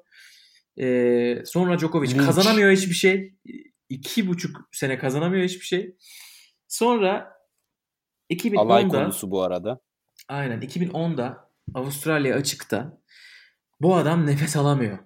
Nefes alamıyor yani. Kendini yerlere falan bırakıyor maçta. Sanırım maçtan çekiliyor da. O maçı tamamlayamıyor. Şimdi Federer bakıyorum. ilk defa herhalde e, orada mı bir tenisçi hakkında bu kadar e, sert bir yorum yapmıştı? Ya o zamanlar Djokovic'in bu maç bırakma olayları çok konuşuldu. O olabilir. Gerçekten o olabilir. Roddi'nin önceki Slam'de dalga geçmişliği var falan derken Djokovic'in o Songa'yla oynadığı e, 2010 çeyrek finalinde eğer hatırlayanınız varsa kendisi böyle nefes falan alamıyordu. Bu maçı Kıbrıs'ta bir doktor izliyor. Adı Igor Çetojevic. Hırvat mıydı, Sırp mıydı? Ben Sırp. Sırp. Sırp adam e, öyle maçı izlemeye de bir niyeti yok. Ama karısı tenis çok izliyor, izlemeyi seviyor diye e, açıyor televizyonu beraber izliyorlar. Sonra oyun işte diyorlar ki spikerler nefes almada zorluğu var. Büyük ihtimalle işte yeterince kondisyonu iyi değil ya da bir astımı falan filan var. Bu Igor abimiz diyor ki hayır diyor bu astımlık falan değil. Bunun diyor yemekle alakalı bir sıkıntısı var. Bir, bir yediği dokunmuş buna diyor. Bu 2010 Kıbrıs'tan Ocak'tan gördü sonra bunu. Kıbrıs'tan bunu gördü Kıbrıs'ta televizyondan değişti. görmüş ya. Sonra Hır- Hırvatistan'da bunlar görüşüyorlar. Ha, Hırvatistan'da görüşüyorlar. Evet, Aynen. Djokovic diyor ki işte Sırbistan zaten küçük yer biz birbirimizi hani buluyoruz. Ee, görüştükleri zaman Djokovic diyor ki sol elini diyor göbeğine koy. Sağ elini diyor yan tarafına dik olarak koy. Sağ elini itmeye başla diyor. Sonra diyor ki sol elini ekmek al bir de diyor. Ekmek aldıktan sonra bakalım beni itmeye çalış sağ eline diyor. İtemiyor Djokovic. İşte diyor senin diyor gluten alerjin var diyor. Sonra bunun çok Gökalp'le böyle Anıl ekmeği nasıl bıraktı konusunun ana girişi böyle. Aynen öyle. Sonra bunu çok daha Bırakamadık bu arada. böyle İki çok hafta. daha iyi iyi testlerini de yapıyor işte ELISA test falan filan hepsini yapıyor. Ve sonra adamın hayatı 2010 yılında o dramatik değişiklikten sonra değişiyor. Herkesin hayatını değiştiriyor sonra. Nadal'ın da, Federer'in de, bizim de gerçekten çok ilginç bir 10 sene geçirdi. 15 tane Grand Slam kazandı. Burada atayım sana pası sonra diyecek daha birkaç şey daha var. Öncelikle şunu diyeyim. İnsanlar merak ediyor olabilir. Bu kadar derin bir detayı nereden buldunuz? Djokovic'in Surf to Win diye bir kitabı var. Acayip güzel bir kitap. Diyete mi başlamak istiyorsunuz? Hemen okuyun. Egzersiz Evet, mi yapmak istiyorsunuz? Bu arada Hemen tenis okuyun. biyografisi olarak lütfen beklentilerinizi koymayın. Çünkü ben öyle koydum. Öyle bir kitap değilmiş. Kişisel gelişim daha çok. Anıl'ın anlattığı gibi şeyler. Ve esasında tabii e, Djokovic'i anlamamıza e, çok büyük etken de bu kitapta oldu. Hani çok kitaba girmeyeyim şimdi ama merak edenler kesinlikle okuyabilir. Ya ben kişisel olarak çok faydalarını gördüm hem mental olarak hem de beslenme alışkanlığı ve egzersiz olarak. Ee, ama Gökalp yani demin de dedim ya Federerciler vardı ya Nadalcılar vardı. Bu da zaten biraz Federer ve Nadal'ın Fedal'dan ziyade iki ayrı kampın üyeleri olarak e, medyanın da tabii ki yoğun pompalamasıyla lanse edilmesinin en büyük sebebiydi. Çünkü ortada başka bir şey yok ve çekişmeden insanlar besleniyor, reytingler yükseliyor, heyecan artıyor, e, büyük bir mutluluk var. Djokovic bu dönemde yani insan vücudunun nelere kadir olduğunu bize tek tek tek gösterdi ve hakikaten sevmeyeni de olur, seveni de olur ki e, marka değeri olarak Djokovic başarıları çok yüksek olmasına rağmen hala bir Nadal'a bir Federer'e yaklaşamasa da e, hiç kimse diyemez ki arkadaş bu adam sporculuk konusunda yapılmaması gereken şunu yapıyor. Ben böyle bir örnek olduğunu düşünmüyorum. O senede bir yediği bir gıdım çikolata haricinde. E, çünkü beslenmesi, egzersiz çalışmaları, vücudundaki kas yağ oranı, esnekliği vesaire bir yani fiziksel olarak inanılmaz bir vücut haline getirdi. Yağı minimize etti. Sadece neredeyse kas var vücudunda. Vücudu inceldi. Daha hızlandı. Daha esnek oldu. Bütün toplara uzanabiliyor. Bütün toplara koşup yetişebiliyor. Bunun haricinde zaten tenis refleksleri çok üst düzeyde. Bu zaten gelmiş geçmiş en iyi returncu e, olmasını kabul edildiği dönem de bu dönem. Bunlar muazzam bir şey. Hakikaten bu noktada Djokovic'i ben Rafa ile Federer'in üstüne koyuyorum kesinlikle. Çünkü Rafa'da Federer'de baktığın zaman fiziksel olarak e, çok sıkıntılı dönemleri oldu. Djokovic'in de evet sakatlıkları oldu ama e, Djokovic her doğruyu her şekilde yapmak için yani inanılmaz bir çaba sarf ediyor ve inanılmaz bir mücadele ve çok büyük bir disiplin gösteriyor. Hani bu onu e, çok çok yukarılarda e, uzun süre tutan en önemli etken bence. Burada İkinci... kitapta pardon şeyi söyleyecektim. Sen söyle sonra devam edeyim ben. İkinci noktada mental yönden çok güçlü bir noktaya gelmesi. Çünkü e, şu var hani Djokovic'in de bir sakatlık ve geri dönüş dönemi oldu ve o geri dönüş döneminden de gelince e, bu işte eşi vasıtasıyla yoga ile tanışıyor, meditasyon yapıyor vesaire. Yani odaklanma kısmı tenisin en önemli kriterlerinden birisidir. Dikkat dağınıklığı maçın %90'ını iyi oynasanız da bir anda kaybetmenize sebebiyet verir. Son puana kadar odaklanmanız gerekir. Bunu acayip bir noktaya kendini de geliştirdi ve e, iç huzuru bulması, kendiyle barışık olması, sakin kalabilmesi, duygularından arınabilmesi, soğukkanlı e, kalması bunların hepsi çok çok büyük bir çalışmanın eseri. Yani böyle gelmedi bu adam. Çok başka bir paketti bu e, adam ve Djokovic bunların hepsini çalışarak, kendini geliştirerek her alanda ne yapılması gerekiyorsa maksimum süreyle yap, yaparak ve maksimum çabayla yaparak böyle bir noktaya geldi. Acayip bir başarı. Gerçekten yani dikkat ediyorsan daha başarılarına e, korttaki başarılarına Aynen gelmedik. Öyle. Aynen. Ama ee, nasıl yapıldığı çok değerli dediğin gibi. Bir dönüşüm. Kesinlikle yani Federer'in bir dönüşüm. Hep böyle işte e, o kadar yetenekli ki e, işte fitness hazırlığı az konuşuluyor denir. Djokovic için de büyük ihtimalle burada az konuşulan o arka planda yaptığı her şey o yeme içmesi çok konuşuldu zaten. Hani o çok ön plana çıkmıştı. Ben şey ekleyecektim sen zaten söyledin. Bu yoga ve görselleştirme işi. Ben görselleştirmeyi ilk defa Djokovic'e duydum. Ne demek olduğunu bilmiyordum. Özellikle spor kontekstinde. Spor bağlamında yani. Ee, ve şu anda Bianca Andreescu'nun hani bu sene ne kadar başarılı olduğunu ve kendisinin görselleştirme tekniği uyguladığını konuşuyoruz. Djokovic bunu o zamanlar yapmaya başlıyor. Ee, Çok ve, zor bir şey.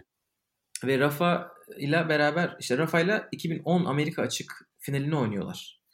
Ee, Rafa'nın kitabında diyor ki ben diyor işte Djokovic'e karşı maçlar kaybettim. Ha bu arada Djokovic bunları yeniyor. Yani e, Master'larda falan Federer'i Nadal'da yeniyor. Ama Grand Slam'lerde yani 5 set üzerinden oynanan maçlarda hiçbir şey yok. Nadal da onu yazmış kitapta diyor ki ben diyor hani Nadal e, Djokovic'e çok büyük saygı duyuyordum. Ama diyor zaten yarı finalde Federer'e karşı 5 setlik bir maç yapıp geldi.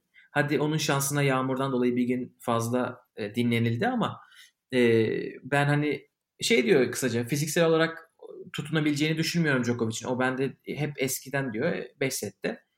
Onu geçtim. Mesela setler 1-1 oluyor diyor. Üçüncü sette ben bu seti alırsam zaten maç bitti diye düşünüyormuş. Bu 2010 Ağustos Eylül'de düşünülen bir şey.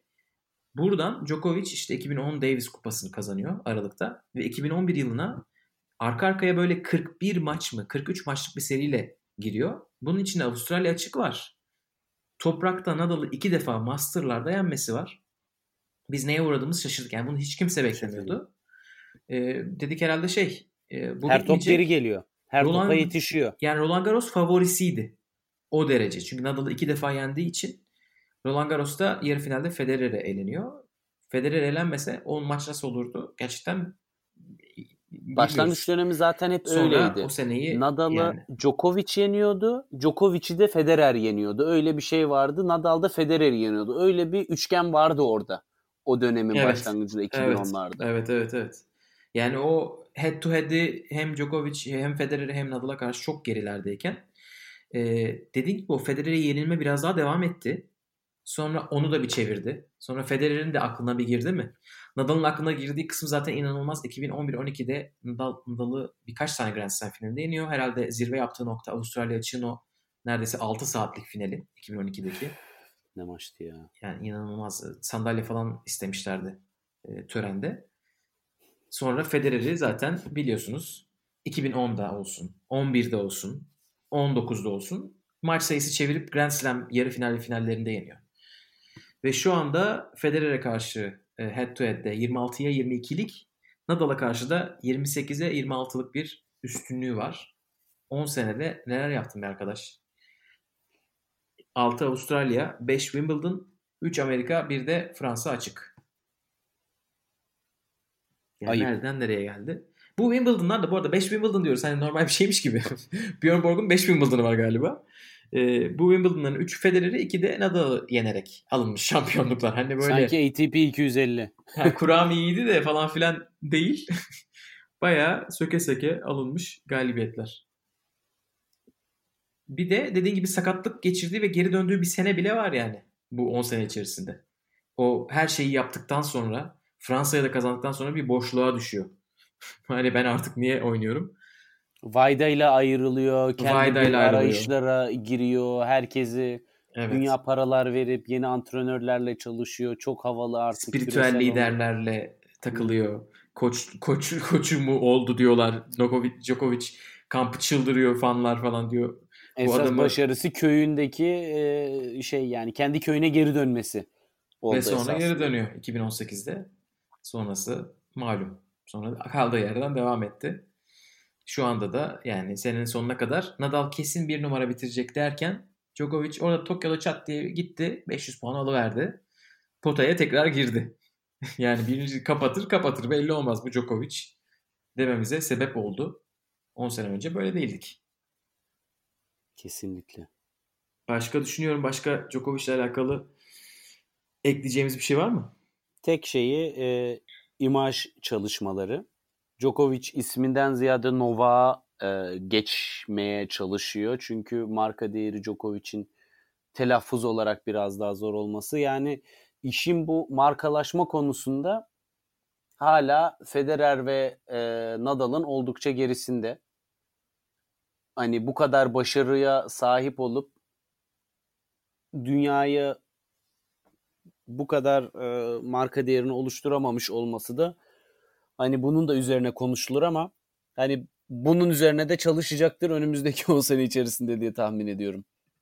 Ama onu yapmasın. Bence olduğu gibi olsun. Seven sevsin, sevmeyen sevmesin abi. Aynen. Yani para problemin yok zaten senin arkadaş. Yani Bence o da boş verdi zaten artık. Evet çünkü Federer'in de Nadal'ın da en büyük avantajı yani zaten oldukları gibiler. Hani Nadal'ı birinci ağızdan e, şey yani teyit edebilirim. Adamı akademisinin soyunma odasındaki e, haliyle gördüm ve oradaki adam gerçekten Bunu kaç kişi söyleyebilir ya? abi Vallahi. ve o adam gerçek bir adam ya.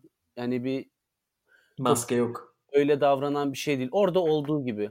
Adama bir şey diyorsun, iyi bir şey utanıyor filan böyle. Ya arkadaş neyin kafası lan bu diyorsun. empati yapmaya çalışıyorsun. Ben ne yapardım falan filan diyorsun. Çok zor. Yani o yüzden Novak da nasılsa öyle abi. Ben Aynen öyle. bunun böyle kalması gerektiğini düşünüyorum. Herkese sevgi pıtırcığı olmaz. Gerek Aynen. Valla Djokovic devam edeceğe benziyor. Ee, deyip yavaş yavaş toparlayalım. Sharapova konuştuk, Türk tenisini konuştuk, kural değişiklikleri, WTA, Kvitova, Serena, Rafa derken e, listemizi bitirdik. Evet. Ekleyeceğim bir şey var mı? Gökalp e, yani bundan sonra bir de şunu ekleyebiliriz. Önümüzdeki 10 sene acaba kimleri konuşacağız deyip WTA'den 20 isim falan sayayım. 40 isim sayıp evet.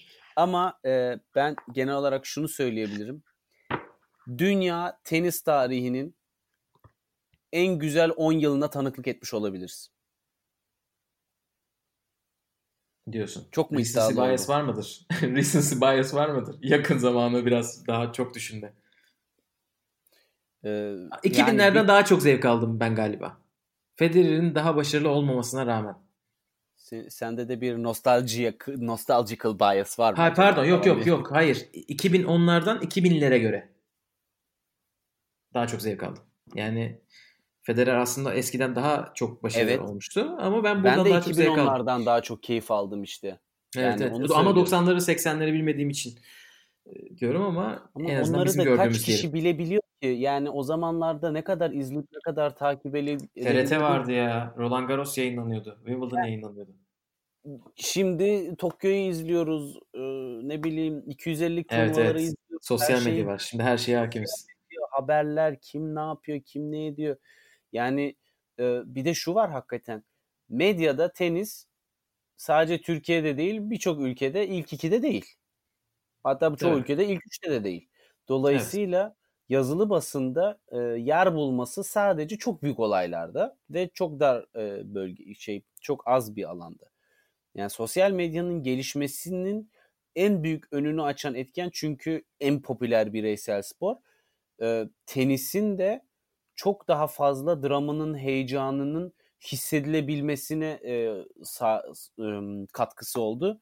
Yani bu anlamda belki de benim bu düşüncemin temel kaynağı tenisi çok daha fazla yaşıyor, hissediyor, Evet. görebiliyor ve gözlemleyebiliyor evet, evet. olmamız.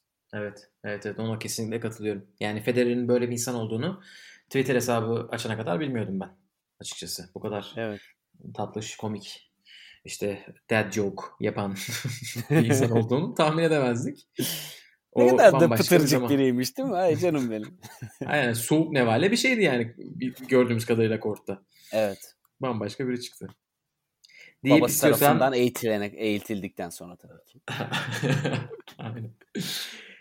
Kapatalım istiyorsan.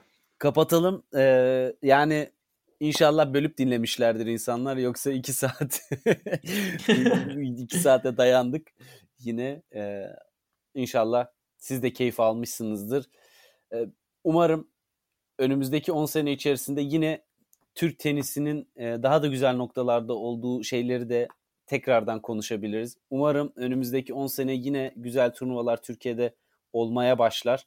2020'ye girerken biraz negatif trendde girdik ama giriyoruz. İnşallah ivme tekrar yukarı çıkar. Bütün Türk tenisçilerine e, çok başarılı bir 10 sene diliyorum. Aynı zamanda da çok daha keyfin üst düzeye çıkacağı bir e, tenis 10 yılı diliyorum ben Gökay.